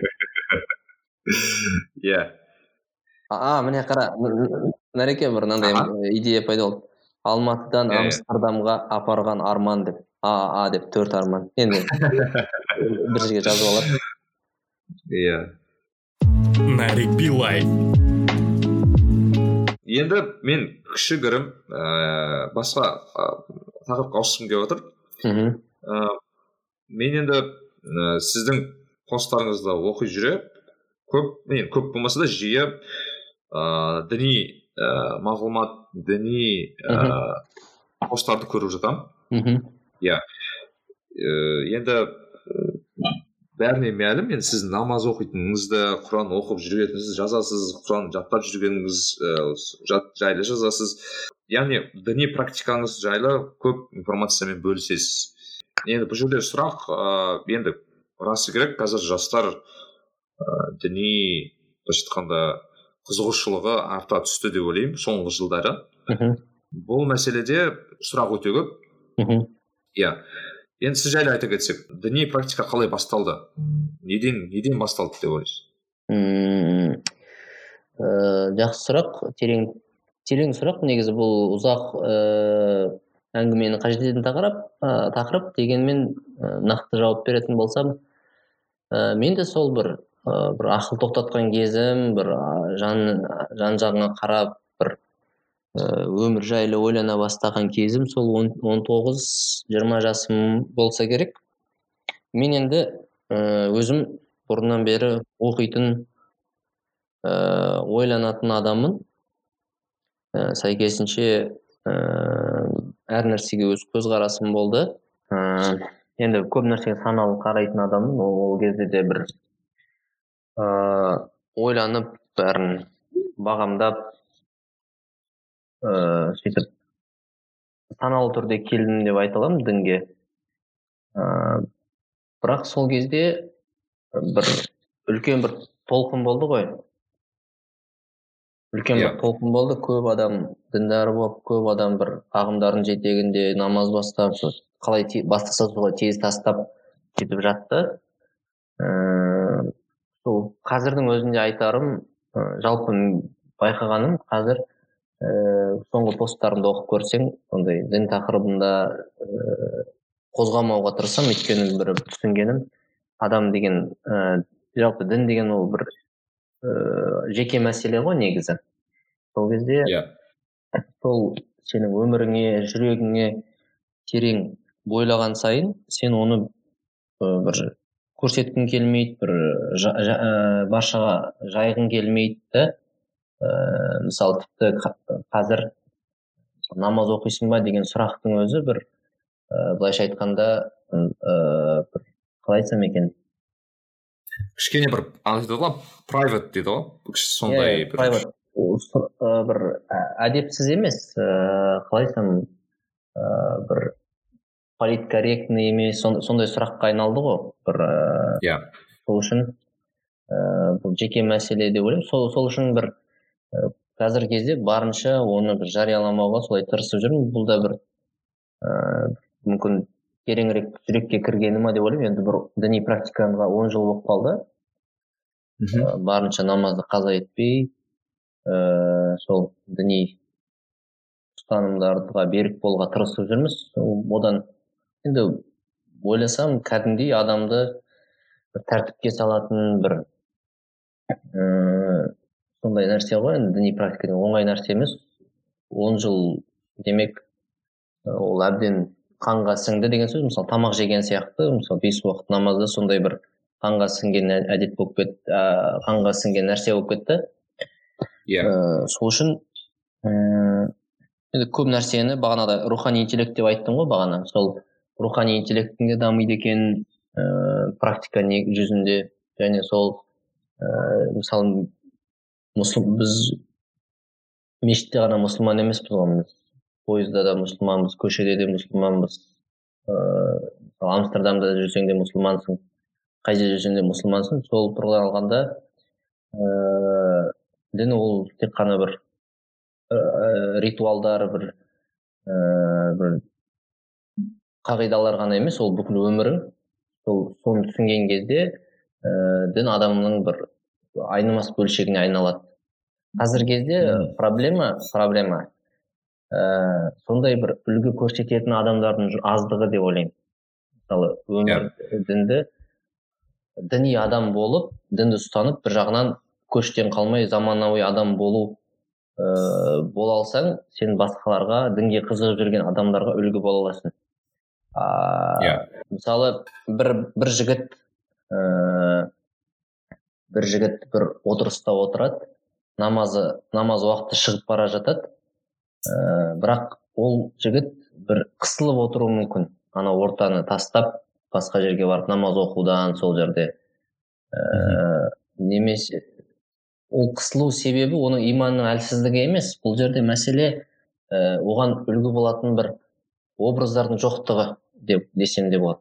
Егер де ол мысалы көрсе осындай да осындай адам ә, осындай мықты тұлға бола тұра бағана мысалы әуежайда бір жерде намаз оқыды деген сияқты. Сондай бір үлгілерді көрген сайын оның өзінің ұстанып жүрген нәрсесі дұрыс екенін ұят нәрсе емес екенін ол түсінетін еді. Сол үшін иә. әр дінді ағылшынша айтқанда рол модел дейді ғой иә? Рол модел иә рол модел сол үшін егер дін деген нәрсені ақыры ұстанған екенсің сенде үлкен жауапкершілік бар. Ә, сен біріншіден өзің үшін ғана емес сен арқылы адамдар сен былайша айтқанда ә, дін мен адамдардың арасындағы бір интерфейссің. бағанағы интерфейс тақырыбы yeah. сен, сен арқылы адам ә, дінді таниды сен арқылы оның дін ұстануға деген мотивациясы оянуы мүмкін немесе керісінше. Сол үшін жауапкершілік ә, түптеп келгенде өзіңмен жұмыс ә, енді сол, сол сол мәселе деп ойлаймын. Енді барынша екі кемені екі бағытты да қатар ұстауға тырысып жүрміз. Менің енді бұл жерде қозғайтын мәселе бағана сіз қозғап өттіңіз мхм. біраз адам ә, дінге саналы түрде емес келген яғни yeah. Иә. орта әсер еткен мүмкін адамдардың сөздері әсер еткен ә, үйдегі әке шешесі әсер еткен білмеймін. Сондай бір әсердің себебінен дінге кіріп ә, ұзақ болмай шығып жатады. Мхм.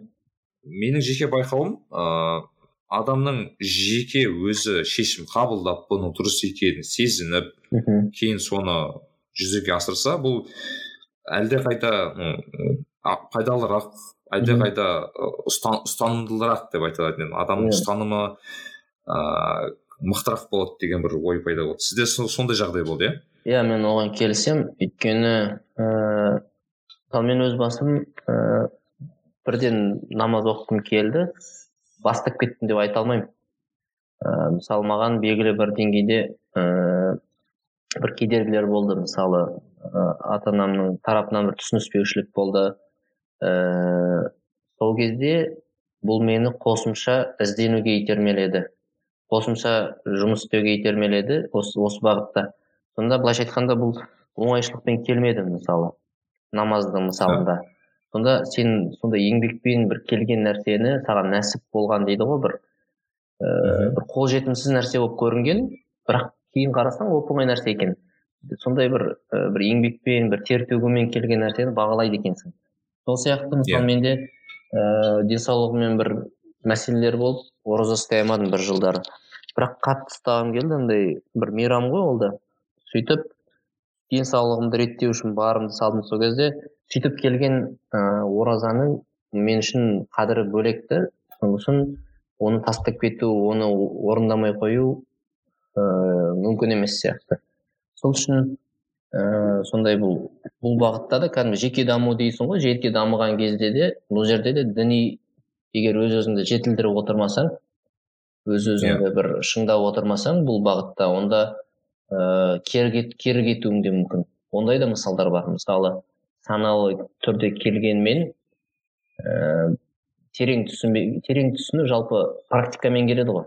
Басында сен бір ііі эйфориямен бір сондай бір ііі құлшыныспен алғашқы жылдар өзі сондай болады ғой бір романтика болады бір исламда бір андай нам- ы, намаздардың бір ләззатын сезініп жүресің. Содан кейін ол кетеді да жаңашылдық бір жаңа нәрсенің нәрсе сезім уже рутинаға айналады сол кезде бір біліміңді толықтырып ізденіп ііі жұмыс істеп отырмасаң бұл нәрсе бұл нәрсе түсінбей қалуың да мүмкін тереңірек. Ыыы сол өміріңе енгізе алмай қалуың мүмкін. Сол үшін бұл бағытта да адам өзін шыңдау керек деп ойлаймын. Еңбек керек. Рухани даму керек. Рухани даму керек деп ойлаймын иә. Иә. Сіз ыыы бірнеше постта жеке құран жайлы жазасыз. Яғни ыыы құранды қалай үйренгеніңіз туралы құранды қалай ыыы мына әдетке айналдырған туралы жазасыз. Бұл енді осыған осыған кішкене көңіл бөлсек бұл ыыы құран оқу қалай басталды? Яғни не себеп болды? Қандай әсер қандай әсерден болды ол? Ііі мен жалпы сол енді дінге қызыққаннан кейін ііі жалпы дінге қызыққаннан кейін дінде ол көп құран араб тілінде болды. Енді құран алланың сөзі дейді ғой ең соңғы ііі мысалы мен ең алғаш рет мектеп мектеп кезінде ыыы кімнің? Порохованың аудармасын оқыдым да құранды иә. Енді ол бір күшті әдемі сырты ә, өңделіп поэтикалық түрде жазылған құран еді.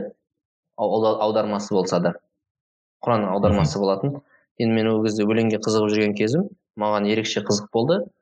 Ыыы сосын ол кітаптың артында түсіндірмелері болатын. Әр ә, аяттың жалпы. Сол кезде мен үшін үлкен жаңалық болған нәрсе ішінде иса пайғамбар мұса пайғамбар жүр екен. Тағы басқа пайғамбарлар жүр. Енді оған дейін бұрындары біледі еститін кинода мультиктерден көретін едік қой библияның кейіпкерлерін.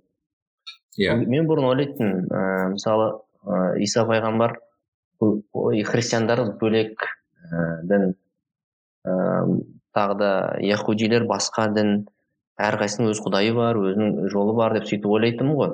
А бірақ құранды сол аудармасын оқығаннан кейін ііі бұның бәрі бір ана мозаика болады ғой бір мозаика. Бір бір деталін орнына қойған кезде бүкіл картина көз алдыңа келіп бір қуаныш сезімі болады ғой бір. Бәрі бір бірімен байланысты екенін көрген сезінгенде яғни иса да мұса да бәрі құранда бар екен. Ііі бәрі бір біріне байланысы бар екен бәрі бір құдайдан екен. Сол құран ең соңғы алланың сөзі екен сол нәрсені түсінгенде бір үлкен бір ііі жаңалық болды мен үшін. Құранды тереңірек оқи бастадық. Бірақ тек аударма деңгейінде. Одан кейін араб тілін үйренуге намаз оқи бастағанда ә, сол оқып жатқан намазың дұрыс болу үшін араб тілін үйрену керек деп шештім. Яғни оны оқыдық. Одан кейін ііі сол құран жалпы айтады ғой ол қара сөзде емес өлеңде емес ортасындағы бір ерекше әдеби форма деп айтады. Ііі мен енді өлең өлең тұрғысынан да сөз сөз жаңағы ғылыми мәліметтер көп болды ғой ішінде. Көп адамды басына қызықтыратын сол ғой. Өзім енді иә. Ғылымға сол поэзияға қызыққандықтан маған қызық болды.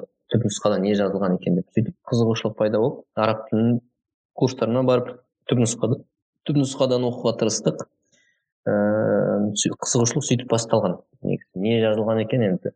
Бәрі де болады ғой мысалы бір тілде ііі бір жазылған ақпаратты басқаша басқа тілде оқысаң әсері басқаша болады. Иә. мысалы тіпті бұл жерде құранның авторы алла тағала ғой. Ііі мысалы қандай шығарма оқысаң да автордың қолтаңбасы автордың мінезі автордың бір ііі айта авторды сезіне аласың қысқасы. Ііі мысалы мынандай бір философия логикалық кітаптарды оқысаң бір не пайда болады бір? Тәкаппарлық бір пайда болатын сияқты. Лирикалық шығармаларды оқысаң бір көңілшектік сондай нәпсіге берілу сондай бір сезімдер дамиды. Яғни андай автордың ықпалы болады. Автордың мінезін саған жұқтырып аласың да.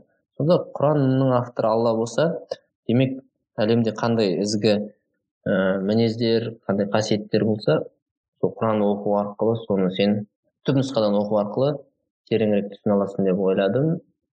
Сол үшін сөйтіп достығымыз құранмен сөйтіп басталған мхм сонда негізі түпнұсқада құранды оқу ә, аса бір қиын емес деп ойлайсыз иә ну жоқ шын қиын емес ә, бір ай интенсивті егер ә, сол оқу ережелерін үйренсе жалпы жай оқу әшейін түсінбей оқудың өзі бір айдан кейін жетуге болатын мақсат деп ойлаймын. Егер интенсивті бір жақсы мұғаліммен ұстазбен үйренсе бір айда бірден құран оқып бастай аласыз деп ойлаймын. Ол қиын шаруа. А, түсіну мәселесіне келсек енді ол үшін кішкене ә, араб тілін грамматикасын ережелерін оқу керек деп ойлаймын. Ол кішкене ұзағырақ уақытты алуы мүмкін. Менің жағдайымда бір мен екі жылдан кейін екі жыл курс курсқа барып өзім ізденіп екі жылдан кейін мен түпнұсқадан оқып сол тәпсірлерін түсіне бастадым сөздікпен жұмыс істедім енді ә, сол деңгейге жетуге болады деп ойлаймын. Мүмкін ертерек адамның ықыласына жалпы ұмтылысына байланысты деп ойлаймын. Мхм. Иә. Ыыы керемет. Енді ыыы басқа бір мәселе одан бөлек ыыы сіз қажылықта болыпсыз.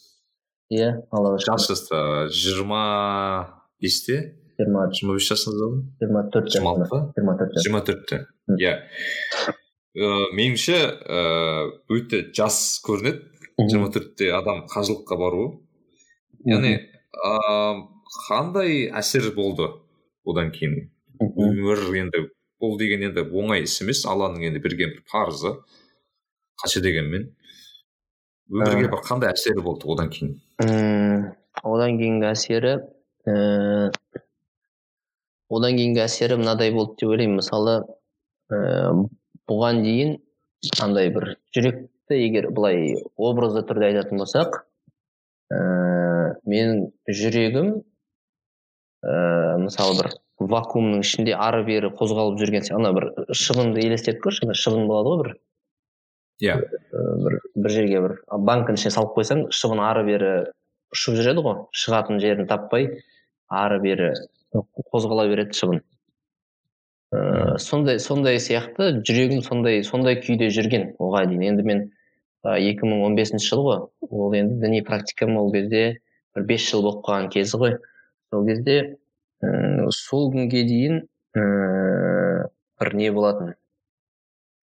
Жүрегім сондай бір ары бері қозғалып жүретін болған бір тұрақтылық жоқ па бір ә, одан кейін қажылыққа барып келгеннен кейін мен сезіндім ә, жүрек бір ә, бір жерге орныққан сияқты сезім болды.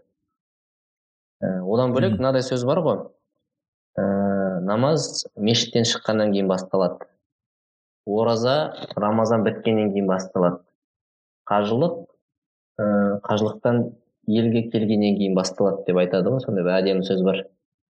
Сол кезде қажылық жасау ә, енді былай ә, оңай шаруа емес бірақ ә, тырыссаң кішкене еңбектенсең бір бір он күннің шаруасы ә, бір рухани бай болып қайтасың бірақ ары қарай ыыы былайша айтқанда айтады ғой қажылық деген ол ыыы қажылығың қабыл болса ол саған жұмаққа билет бар деген сөз қалтаңда бірақ та білеміз ғой мысалы ыыы бір көлік автобусқа отырғаннан кейін анау билетті сен жолдың соңына дейін жыртып алмай сақтап отыруың керек. Жоғалтып алмай сақтап отыру керек. Сондай сезім пайда болады. Мысалы қазірде бір ііі э, оғаш қылықтар жасай бастасаң немесе бір э, дұрыс емес жаққа кетіп бара жатқаныңды сезінсең қажылыққа барғаның сені ііі э, кәдімгідей бір нетеді бір ұялсаңшы дегендей тежейді тежейді иә сол үшін сол деңгейге лайық болуға тырысасың былайша айтқанда ыыы мысалы біз рухани жетілуде мысалы былай ойлайықшы ііі мысалы бір тау тұр да алдымызда ііі қажылыққа барған кезде анау таудың ар жағында не бар екенін көріп қайтасың да сол кезде сен yeah. Иә. тағы да неге ұмтылуға болатынын түсінесің ал қажылыққа бармай ііі ар жағында не бар екенін былай түсіну қиындау да. Сен бәлкім і ол таудың ар жағына мен мысалы әлі бармаған шығармын әлі жете алмай жатқан шығармын. Бірақ та ііі қажылық сол ар жағында не бол не бар екенін саған көрсетіп бере алады да. Сенде сәйкесінше ә, бір жүрегіңде бір соған деген ұмтылыс болады немесе соған лайық болмай жатқаныңды сезіну өкініш те болады. Қысқасы ә, сол тұрғыдан ұм, пайдалы болған сияқты енді. Рухани жетілу әсері үлкен жалпы. мына образды айтқандарым түсінікті болып жатыр ма өзіме түсінікті иә иә. Иә. Енді мен мына бір мәселеге тоқталып өткімге келіп жатыр. Әлі де болса да ә, мен өзім жеке қуанатын мәселе ол жастардың дінге келуі. Жастар қанша дегенмен дінге қызығушылығы артып күннен күнге артып жатыр. Бірақ ә, мен байқайтыным ә, жас буынның ә, көп қателік жіберетінін байқаймын осы мәселеде. Яғни бұл өйткені дін өте бір м оңай мәселе емес негізі. Иә нәзік маған нәзік зат. Образно айтса ол ыыы қылыш қылыш секілді оны сен нанды да кесе аласың өзіңді қолыңда кесе аласың. Былайша айтқанда ыыы өте дұрыс қолдана білу керек секілді. Енді мен енді артық кетпесем де ә, осы ренессанстан осы діни ренессанс болып жатыр ғой бізде. Жастардың қалай болса қателік жасамау керек екен. Яғни нені а, нені неден алшақтау жүру керек немесе нені жасау керек деген мәселеге не қандай ұсыныс бере аласыз? Яғни мысалы бір жас бала намаз оқығысы келеді. Ол неден бастау керек? Неден нені жасамау керек деген секілді. Осыған байланысты бір бір екі кеңес айтып жіберсеңіз. Мм біріншіден мм мен мынандай нәрсе айтатын едім. Қазір көп проблеманы байқаймын. Ыыы жалпы дін ұстанған адам өзінің ә, кемшіліктерін дінмен жабуға тырысады. Мысалы ол айтуы мүмкін ой ол бір дүниелік нәрсе деген сияқты әңгімені айтуы мүмкін бірақ артында жалқаулық жатады. Ә, немесе немқұрайлылық жатады. Ә, сол тұрғыдан алғанда мен айтар едім бірінші кеңес ә, бір минустарыңды өзіңнің дінмен жаппа деп айтар едім. Көп адамда көп жастарда әсіресе сондай нәрсе байқалады. Өзінің минустарын бір дінмен жапқысы келеді немесе бір діни ниет жатқанын көрсеткісі келеді. Ә, сосын екінші мәселе енді мен ә, бір толеранттырақ болу керек сияқты. Бізде ә, адам дінге келсе енді бұл таяз ойлаудың салдары деп ойлаймын. Басқа дін ұстамайтын адамдарға ала көзбен қарай бастайды оларды өзіне белгілі бір деңгейде төмен сезінуі мүмкін өзін ерекше сезінуі мүмкін. Ә, бұл үлкен қате деп ойлаймын. Себебі ә, біз білмейміз ғой ә, өміріміздің ақыры немен бітерін мысалы. Сен бәлкім дін ұстанбай өтуі мүмкін өмірден. Сол сияқты сосын ә, басқа да ә, адамдардың дін ұстанбайтын тіпті атеист болсын агностик болсын ә, олардың да оларға жаңағы адам ретінде қарай білу керек сияқты. Ол мысалы сен дін ұстанбасаң демек сен менің дұшпанымсың деген сияқты сондай бір ә, көзқараста болуы мүмкін жас адамдар. Ә, кішкене толеранттылау болу керек сияқты өйткені кез келген атеист кез келген агностик егер былай логикалық түрде қарасаң ол ыыы ә, былай потенциально дейді потенциально діндар адам ғой негізі бұл өмірінің соңына дейін дінге өтуі мүмкін yeah. Иә. адам ғой сол үшін ыыы сосын бізде сондай діннің негізі болып табылатын махаббат мейірім деген нәрселер қазір екінші планға кетіп көбінесе андай бір екінші пландағы нәрселер бірінші план болып кетті. Мысалы ыыы мысалы намазды қалай оқу керек сондай сондай талас болып кетті да сондай мәселелер. Сол үшін ыыы сондай талас мәселеден гөрі адамдар біріктіретін нәрселерге көбірек көңіл бөлу керек деп ойлаймын. Ыыы сосын әрине өзін ол ыыы дінмен бағанағыдай өзінің кемшілігін жаппау керек және ыыы өзін дамыту керек деп ойлаймын. Өйткені өзін және ол жауапкершілік ретінде қарау керек дінге мойнындағы сенің немқұрайлығың сенің жалқаулығың сенің тағы басқа жаман әдеттерің үшін басқа біреу діннен безіп кетсе онда саған сын болады үлкен. Солай айтар едім. Сол айтарым. Аха. Менің өзім осы осы орайда қоса кететін мүмкін ыыы мәселе ол сол ә, жастардың кішкене критикалық ойлау дейді ғой. Yeah. Иә. сын тұрғысын ойлау қабілетін дамыту керек секілді. Себебі мынау ә, жас буын ә, келгенде барлық информацияны қабылдай беретін секілді айтады ғой мына секілді. Ә, айтқан информацияны қабылдап о сараламайды яғни бәрін бір жерге ә, жинап ойлайды мә дін деген осы екен деген секілді. Оның ішінде дұрысы бар кішкене бұрысы да бар. Мүмкін арасында секталар бар кішкене саралау жоқ. Иә ал ә, оны саралап ол саралау бағанағы критикалық ойлау ол адамның жеке өзіне байланысты. Яғни ол қаншалықты ақпаратты дұрыс өңдей алады деген мәселеге тіреледі да дінге емес. Иә. Мен келісемін осыған және де мынадай бар ғой. Ә, дінде мынандай бір ә, ереже бар екен. Мысалы сенің ә, мысалы дін дінде ғалымдар көбінесе нақты үкім айтпайды. Олар тек ә, нұсқаларын ұсынады. Ә, нақты үкім yeah. Иә. айтпайды дегенде мысалы сен былай істе былай істе деп айтқаннан гөрі ол жақта мынадай нәрсе бар ғой. Мынадай жағдайда былай істеген дұрыс былай істемеген дұрыс деген сияқты бір ә, бір үлкен бір ыыы бір қолдану аясы кең қылып береді да соңғы шешім сенен болады. Мысалы бір мәселеге қатысты екі ііі түрлі пікір болуы сол пікірлерді көрсетеді да сол екі пікір болуы мүмкін үш пікір болуы мүмкін. Ііі дін ғалымдарының міндеті сондай пікірлерді і адамға ұсыну.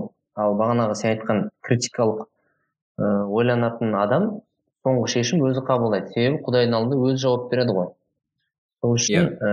ә, сондай пікірлерді пікір алуандығы деген бар да дінде. Өте керемет андай демократиялық жаңа демократия әсіресе мазхабтардың болуы мысалы ыыы түптеп келген кезде ыыы сол критикалық ойланатын адам соны бүкіл жауаптарды саралап өзінің жағдайында ыыы мысалы бір шешім қабылдау керек деп ойлаймын. Өзі шешім қабылдау керек деп ойлаймын. Ыыы бір сырттан шешім күтпеу керек. Мысалы діни сайттарда сұрақтарды көрсеңіз мысалы айтады не істесем болады деп бір дайын жауап күтіп тұрады да не істейін дейді. Мына мынандай болып қалды мынандай. Егер оған қазір ар жақтан біреу былай істе десе ол істейін деп тұр да. А бірақ ар жағында ойланбауы мүмкін. Ыыы дін ғалымы да оған бір нұсқаларды ұсыну керек. Осындай осындай осындай осындай мысалдар бар деген сияқты. Сонда соңғы шешімді өзің қабылдайсың дегендей ғой. Солай қоса сондай ойды қосқан болар едім. Иә. Енді осыған байланысты соңғы мәселе. Мхм. Жалпы қазір ә, осы діни осы діни ренессанс деп жатырмын ғой. Ә, соған байланысты өте көп ә, мынау ыыы ұстаздар бар бізде қазақстанда. Біздің муфтияттың қазақстандық қазақ тілді ұстаздар да бар. Және қазақ тілді емес ұстаздар да бар. Мысалы шетелдік ә, америкадан европадан ресейден неше түрлі ә, мынау жерлерден ұстаз деп айтайық шейхтар бар. Бұған байланысты қандай адамды осы ұстаз таңдау мәселесі өте маған ойымша нәзік мәселе. Яғни адам кімді тыңдаса сол болады негізінен шын айтқанда. Оны тыңдап алып мысалы бір ыыы радикалист біреуді тыңдап алса ол өзі де кішкене сондай радикалға ұқсап кетеді. Немесе керісінше кішкене ыыы модернист болса модернистке ұқсайды деген секілді. Баланс ұстау менің ойымша кішкене оңай емес. Ора- орасында. Енді осыған мәселеге келсек сіз енді мен айтпай ақ қояйын кім кімді тыңдайсыз деп. Бірақ кімді ұсына алар едіңіз? Яғни адам осы балансты ұстай білу ретінде қандай ә, адамды тыңдап қандай затты қандай адамдарды немесе заттарды тыңдамаған дұрыс деп ойлайсыз? Ә, мен мынадай бір ә, м- жалпы пайғамбарымыз мұхаммед оған алланың игілігі мен сәлемі болсын мынадай бір ыыы бір жақсы ой бар хадистің мағынасы мынадай да. Ііі менің үмметім яғни мұсылмандар адас, адасу жолында бірікпейді деп айтады да. Яғни ііі көпшілік ешқашан адаспайды деп айтады. Сол үшін ііі көпшілік қай жерде? І біздің жағдайда ол і қазақстан мұсылмандар діни басқармасы. Көпшілік ііі жалпы мысалы біздің қазақстан жағдайында алатын болсақ сол қазақстан Иә. дін- діни басқарма мақұлдаған ұстаздарды кітаптарды і оқыған тыңдаған дұрыс деп ойлаймын. Өйткені бұл жағынан иммунитеті жоқ адамға кішкене қиындау болады басқа кітаптарды. Мысалы басқаларды да мысалы критикалық ойлау деп жатырмыз ғой енді. Критикалық ойлау деген соң ол бәрін оқу керек бәрін саралау керек қой. Бірақ бұл жерде Иә. ә, рухани им- иммунитет деген мәселе де бар. Ә, бастапқы бастайтын нүктең ә, фундаментің былайша айтқанда сондай көпшілік мақұлдаған көпшілік растаған нәрселер болу керек деп ойлаймын. Ә, содан бастап ә, ары қарай ізденіп ііі ақ қараны ажыратуыңа жеңілірек болады. Жолың қысқарақ болады. Сол үшін мен айтар едім ең алдымен сол көпшілік мақұлдаған көпшілік растаған ііі дүниелерден бастау керек деп ойлаймын. Және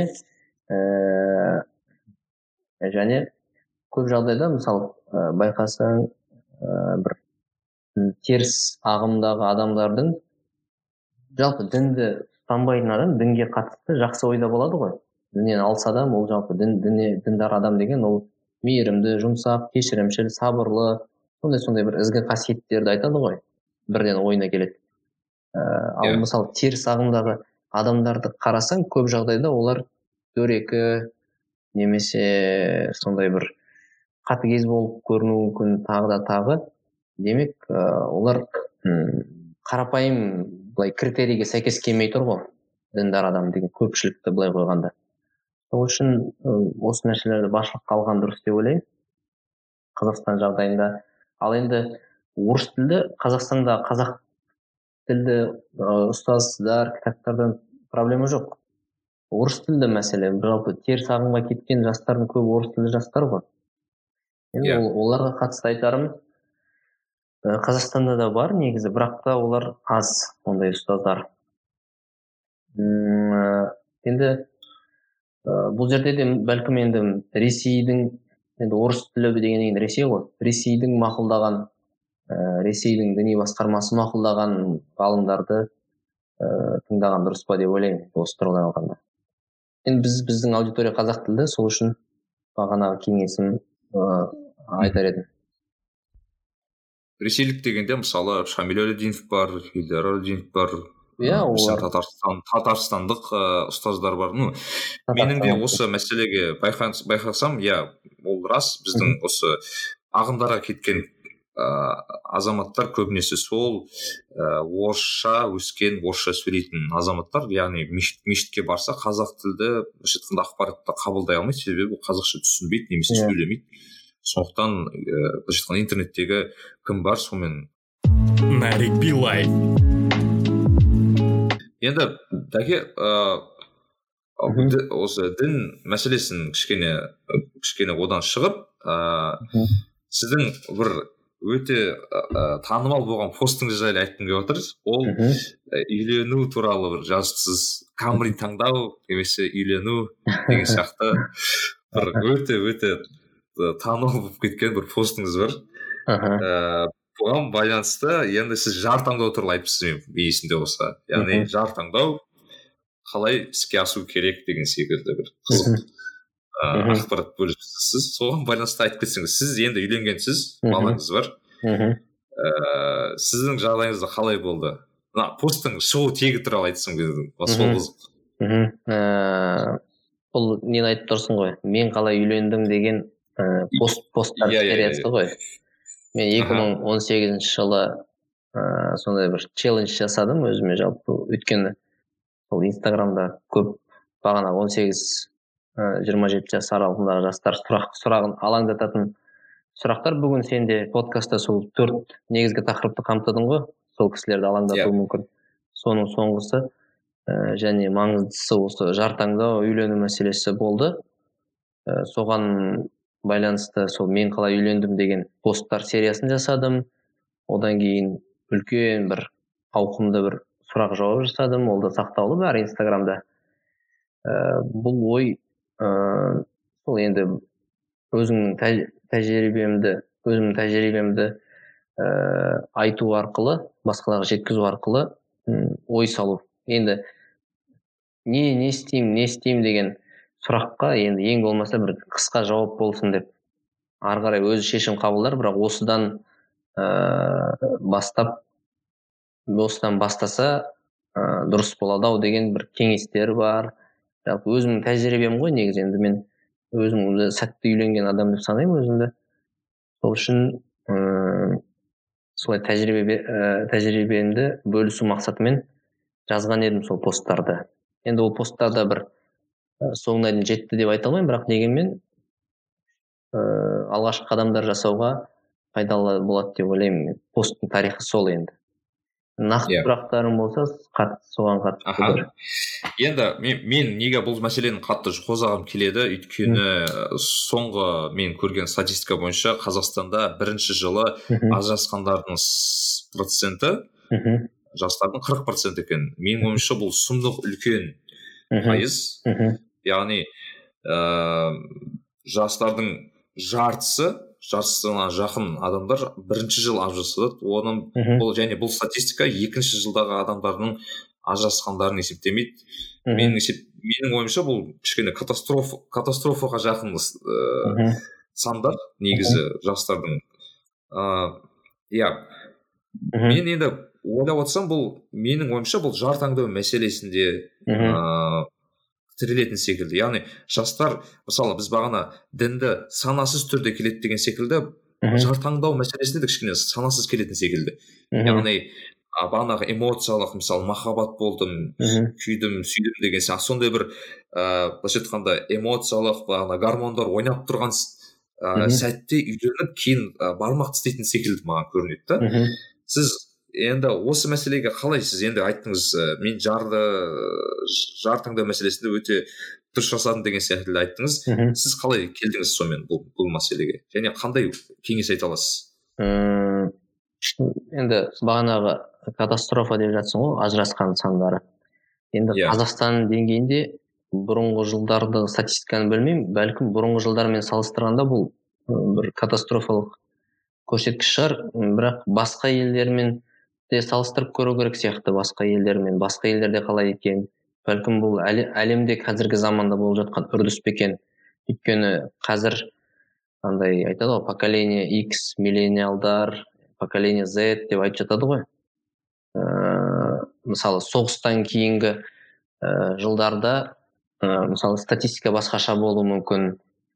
Ііі сосын мысалы со- соғыстан кейінгі ұрпақтың балаларының өмірі мысалы бэйби бумерлер дейді ғой. Ыыы әр дәуірде жалпы әлем бойынша бір заңдылықтар бар сияқты. Сол сияқты қазақстан ғана емес бұл әлемде де бар үрдіс сияқты қазір сөйтіп ііі үйленіп ажыраса салу деген. Өйткені ііі біз енді бұл миллен, миллениалдар дейді ғой бір қай, қай жылдар еді? тоқсан беске дейінгі ма? бар ғой. сексен тоқсан бес па сол сол ұрпақ қой қазір үйленіп ажырасып жатқан. Ііі сол мәселені де бір зерттеп көру керек сияқты. Өйткені ііі біздің ііі ұрпақ қиындық салыстырмалы түрде қиындық көрмеген ұрпақ қой. Ііі өйткені мысалы біз аталарымыз сияқты соғыс көрмегенбіз әкелеріміз сияқты ііі бір мынау кеңес өкіметі құлап ыыы жаңа қазақстан пайда болған ыыы уақытты көрмедік мысалы үшін. І сол үшін қазір сондай қиындық көрмей өскен ііі балалар ыыы бәрі былай дайын асқа тік қасық болып өскен ұрпақ отбасылық өмірде ә, бір сәтсіздіктер болып жатса тастай салуға бейім тұрады. Ол тек қана үйлену мәселесі емес мысалы. Жалпы өміріне қатысты мысалы. Не карьерасы жоқ не бір жетістікке жетпеген соның бәрі ә, сондай бір мысалы ә, бір дайын асқа тік қасық дейді ғой бір дайын нәрсеге үйреніп қалған адамдар олар ә, бір нәрсеге жету үшін еңбектену керек бір нәрсеге жету үшін тер төгу керек деген нәрсені қаламауы мүмкін. Сол үшін оларға тәрк ете салу бұза салу жеңілірек болады. Сол мәселені ойланып көру сияқты. Ә, енді бұл жерде ә, үйлену деген енді ол сезім басылады. Одан кейін нағыз өмір басталады бұл жерде де түптеп келгенде тер төгу еңбек ету махаббат махаббат үшін де былай адам тер керек жалпы ғашықтық деген бар махаббат деген нәрсе бар ғой. Ә, екеуінің ә, айырмашылығы ә, махаббатта сен тер төгесің. Яғни махаббатта еңбек бар. Ғашықтықта ол еңбек жоқ ешқандай өйткені сенің көзіңде былайша айтқанда розовый очки. Ештеңе көрмейсің бәрі жақсы сияқты болады. Бірақ одан кейін ол ол дәуір өтеді. Бір бір екі жылдан кейін. Одан кейін кәдімгі өмірге бет өмірмен бетпе бет келесің. Сол кезде еңбек ету керек болады. Ә, анау өзіңнің жаныңдағы адамның кемшіліктерін көре бастайсың. Ә, сол кезде бір, бір жағынан бұл жерде ә, бағанадай иә саналы түрден бөлек ә, бір білім керек сияқты. Яғни мен ғашық болсаң үйленбе деген бір пост жаздым ғой. Енді бір иә. ә, бұл жерде ә, сезім суиды. Бірақ түптеп келгенде ол үйлену деген мәселе ол тек қана махаббат емес. ол жерде ә, бір біріне деген қолдау сосын ә, түсіну бір бірін сондай мәселелер іске қосылады. мейірім ә, жалпы жанашырлық ә, сондай сондай. өз өзі мысалы ә, айтады ғой хадисте сендердің жақсыларың мінезі жақсыларың және әйелдеріңе жұбайларыңа жақсы қарағандарың деп айтады ғой хадисте сол хадисте yeah. Иә. неге ә, көркем мінезбен әйелге жұбайыңа жақсы қарау екеуі бірге келіп тұр десе ә, мысалы адам отбасылық өмірде ә, ашылады ә, сосын ер мен әйелдің психологиясы екі түрлі сосын түсініспеушіліктер болады ыыы бір басқа әлемнен келген сияқты бар ғой женщины с венеры мужчины с марса деген кітап бар ғой сол кітапты айтпақшы иә. оқуға кеңес беремін сол кітапта біраз жақсы кеңестер бар сол сияқты екеуі екі планетадан келген сияқты адамдар сондай адаммен өмір сүріп сен көркем мінезге жете алсаң сен нағыз мықты адамсың. Ыыы сен мысалы үйленбей жүрген адам қоғамда көркем мінезді болып жүруі мүмкін. Бірақ отбасылық өмірде сен сондай көркем мінез бола аласың бола алмайсың? Бұл басқа мәселе. Сол үшін бұл адамға кішкене өзіңмен жұмыс істеуге итермелейді үйлену деген нәрсе а бізде сол нәрсені мүмкін түсінбейді мүмкін түсінгісі келмейді ә, бұл енді өзара екі адамның арасындағы факторлар ғой бұдан бөлек бағана yeah. Иә. сен айтқан статистикада келтіреді ғой негізгі үш себебін айтады ғой ә, ажырасуға себеп болған қандай дейді ә, біріншісі ата ананың туысқандардың yeah. жеке өмірге араласуы екіншісі ыыы әлеуметтік желілер үшіншісі үшіншісі есімде емес екен. Әлеуметтік жағдай шығар. Ақша ақшаның жоқтығы әлеуметтік жағдай мүмкін иә. Иә бізге бұның бәрі енді проблеманың бәрі сол мектеп жасынан бастап сен айтқан сияқты бағана саналы түрде келу үшін бір дайындық керек сияқты. Ол үшін дайындалатын бір дайындайтын бір қазір бар ондай курстар бірақ бәрі оны өтпейді ғой. Сол мектеп кезінде болсын соны бір бір пән ретінде ма университетте бір енгізсе жалпы отбасылық өмір туралы. Ыыы жалпы әйел мен ердің психологиясы қандай? Ол да бір ғылым ғой ол соны түсінсе ыыы кішкене басқаша болатын еді ажырасу мүмкін азырақ азырақ болатын еді. Бірақ бағанағы менің өзім пікірім бағанағы ә, не сияқты. Қиындық көрмей өскен ұрпақтың бір несі сияқты? Үйленуге деген. Зардабы. Иә. Немесе ол иә, иә. үйлену емес байқайсың ғой мысалы жұмысты да тастай салады ұнамайды сосын тағы қандай бар? Мысалдар көп қой сондай. Тұрақтылық жоқ деп айтса болады иә жалпы. иә иә. Бұл ұрпақта. үйленуде үйлену де сондай бір бір бір жұмысты игеру сияқты бір нәрсе ғой енді.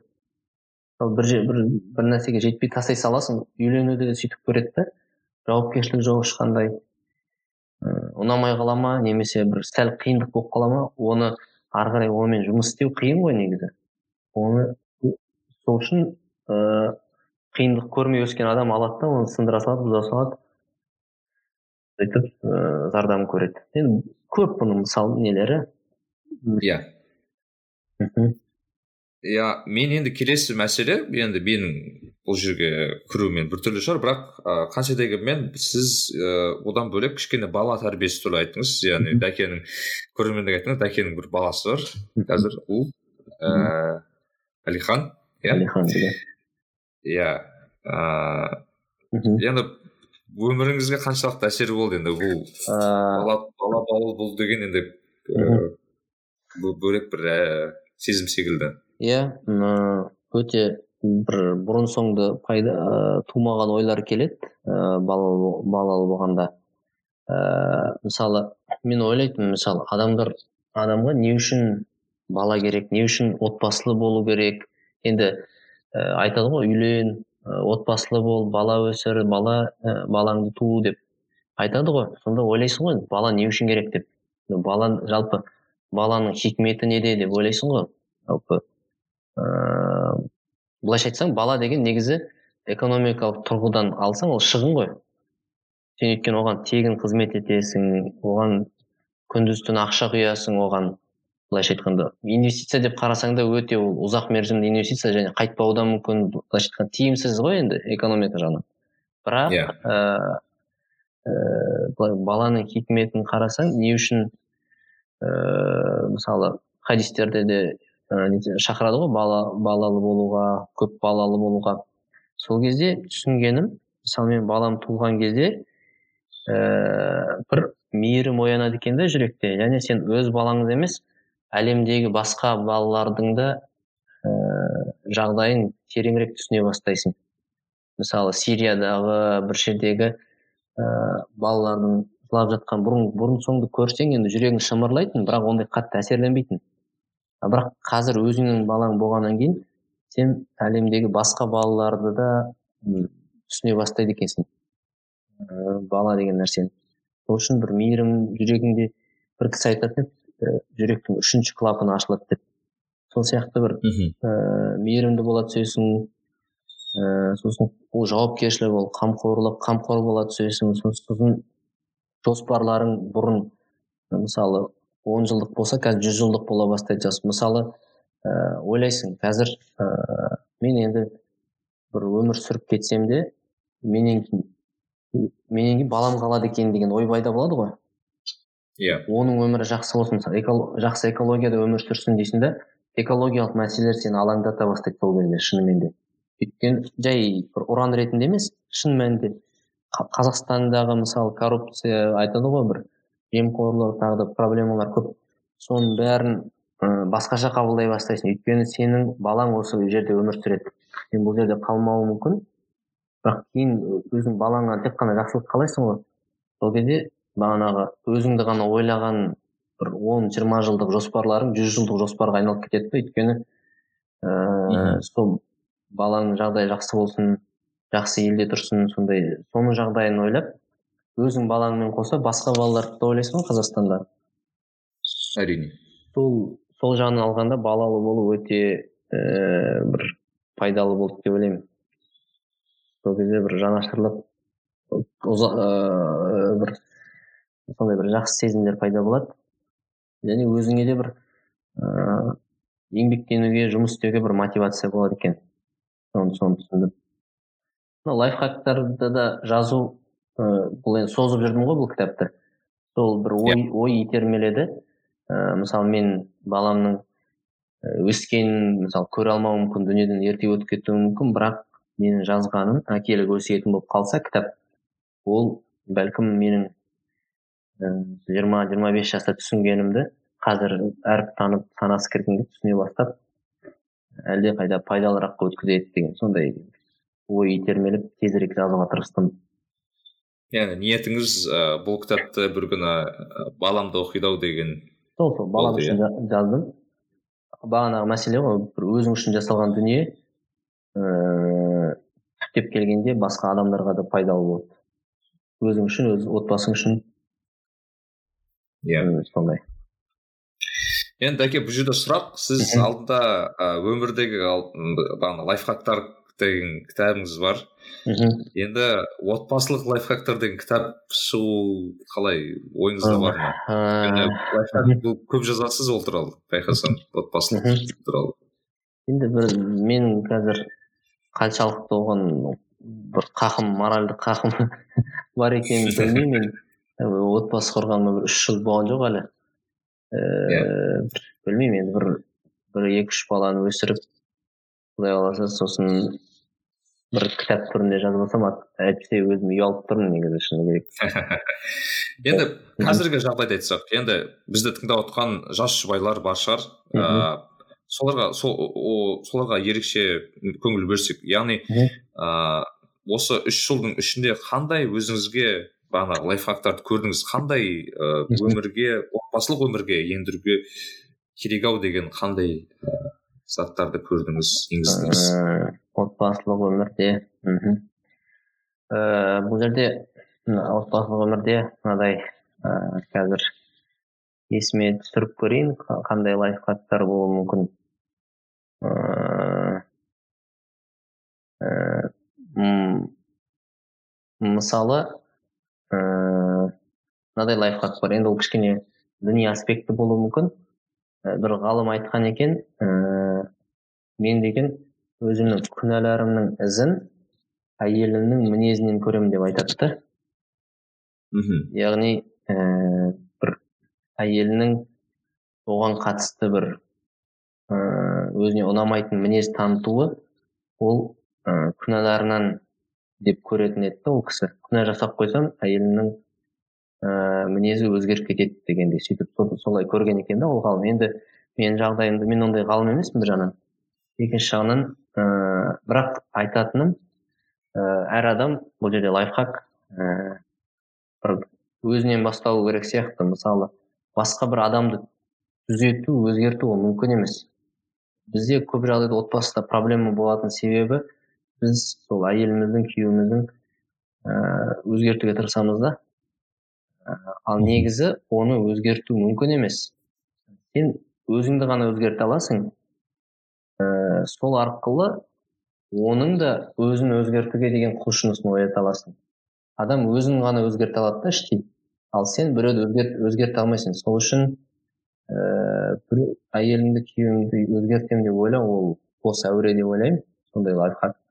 Сол үшін бір нәрсе ұнамай жатса егер жұбайыңда онда бірден өзіңді түзетуге тырыс деп айтар едім ыыы сосын тағы мәселе ыыы сосын кейде үндемеу керек үндемеуді үйрену керек ыыы сосын мысалы егер ашу қысса енді отбасылық өмірде бәрі болады ғой ашу қысса ашу қысқан кезде сол кезде сөйлемеу керек тек оп оңай ереже ашуланып тұрған кезде сөйлемеу керек ешқашан ыыы сондай сондай мәселелер енді енді дәкеден алла қаласа ыыы мүмкін үш төрт жылда жаңа кітап күтетін шығармыз. Иә кітап болмаса да.